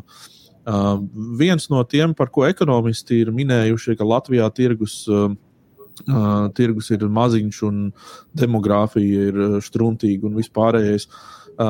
Kā tev šķiet, vai kaut kādā ziņā mēs varam uzlabot arī šos aspektus? Nu, es gluži domāju demogrāfiju, bet, eh, bet nu, vismaz eh, blīvumu, iedzīvotāju blīvumu kaut kādās noteiktās vietās, kas palielinātos. Nu kā, ja mēs redzam, tas jau ir vēsturiski bijis tā, ka teiksim, ienāk iekšā dzelzceļš, un pēc tam apkārt dzelzceļam arī sarodās iedzīvotāji. Tāpēc, kas ir būtisks no cilvēka, ir taisnība šī sasniedzamība starp to, kur tu dzīvo un kur tu vēlies nokļūt. Nu, vienalga, pasties dažādas pilsētas, Ogre, Jālgava, visas pārējās, viņas attīstās pēc tā principa, tas tikai Latvijā arī starptautiski, ja mēs skatāmies no nezinu, Anglijā, piemēram, ja uzlabojās taisnība infrastruktūra, paliek momentā gan dārgākas apkārtējās zemes, gan lielāka attīstītā interese un, un tā joprojām. Ar to es domāju, ka Real Baltica dažādos laikos un dažādos līmeņos sniegs ļoti būtisku ieguldījumu. Īstermiņā tās ir darba vietas, kamēr tu projektē un būvē, Ilgtermiņā, protams, tās ir paliekošas darba vietas, arī jaunas infrastruktūras uzturēšanai, apkalpošanai un tā tālāk. Tas ir jauna pieredze mūsu būvniekiem un uzņēmumiem, kas varēs arī startēt starptautiskajos tirgos pēc tam, kad šāds projekts tiek realizēts. Kā arī ilgtermiņā, protams, tas ir viss saistītais bizness, kas ir kravas pasažieru, starptautiskie reisi vietējie, un, protams, arī teiksim, tā ekonomiskais iegūms taisnība no kravu operācijām, nu, kā piemēram Salaspīlī izveidosies pilnībā jauns loģistikas centrs ar milzīgu apkārtējo teritoriju, kur ir varbūt gan ražošanas tēlu, teiksim, iekārtas, gan, gan muitas noliktavas un tā tālāk. Tā kā faktiski radot koridoru, mēs jau nebūvējam dzelzceļu. Dzelzceļš tiek būvēts ar mērķi, lai attīstītos gan reģionālā, gan Baltijas līmenī taisni biznesa un sasniedzamība kā tāda, un nodrošināt šo nepārtraukto savienojumu un saiti ar Eiropu. Mm -hmm. Pēc tevis teiktā, es pat, patiesībā saprotu, ka šobrīd laba investīcija varētu būt uh, zemju iegāde uh, tuvu, tuvu Real Baltica šiem te uh, nu, pieturām kaut kur tur, nu, saulkrastē. Nu, prakses tā, tā arī parasti notiekās. Ja, teiksim, tur, kur izveidojās šīs sasniedzamās pieturas vispārējais, tad cilvēkiem ir ērtāk vienkārši tur dzīvot apkārt. Nu, saku, arī Latvijā mums ir piemēri. Es pats dzīvoju Ogrē, nu, ļoti tipiski. Teiksim, dzelzceļš iet pilsētai pa vidu, jo pilsēta ir apbūvējusies apkārt dzelzceļam no abām pusēm. Jā, tieši tas sanāk. Jā. Uh, pēdējā lieta, ko es gribu vaicāt, protams, ir par uh, tas, kas cilvēks droši vien visvairāk arī interesē. Nu, cik tas viss maksās? Nu, ne, ne, tās, ne tā izbūve, tur skaidrs, ka tur ir miljardi un laiks vēl tam visam, bet, uh, bet, bet ja runājam par biļešu cenām, nu, uz to pašu Varšavu, Uh, ko nozīmē man aizbraukt? Vai jūs esat veikuši kaut kādus cenu aprēķinus? Nu, es domāju, ka šobrīd tā būtu spekulācija, ja es sauktu kādu ciparu, teiksim, precīzi. Bet tas, kas Jā. ir pēc principa, ka dzelzceļš kā tāds, viņš būs nedaudz dārgāks par autobusu un lētāks nekā avio. Un faktiski tā cenai ir jābūt tādai, ar principu, ko tirgus ir gatavs un spējīgs maksāt. Jo tev jānodrošina pietiekama pasažieru plūsma, lai tas būtu arī rentabli gan, gan, gan uzņēmējiem, gan arī valstī. Līdz ar to dārgāks par autobusu, jo ir ātrāks un augstāks komforta līmenis. Savukārt lētāks par avio, tāpēc ka izmaksas ir mazākas taisnība pārvadājumā kā tādā. Mm.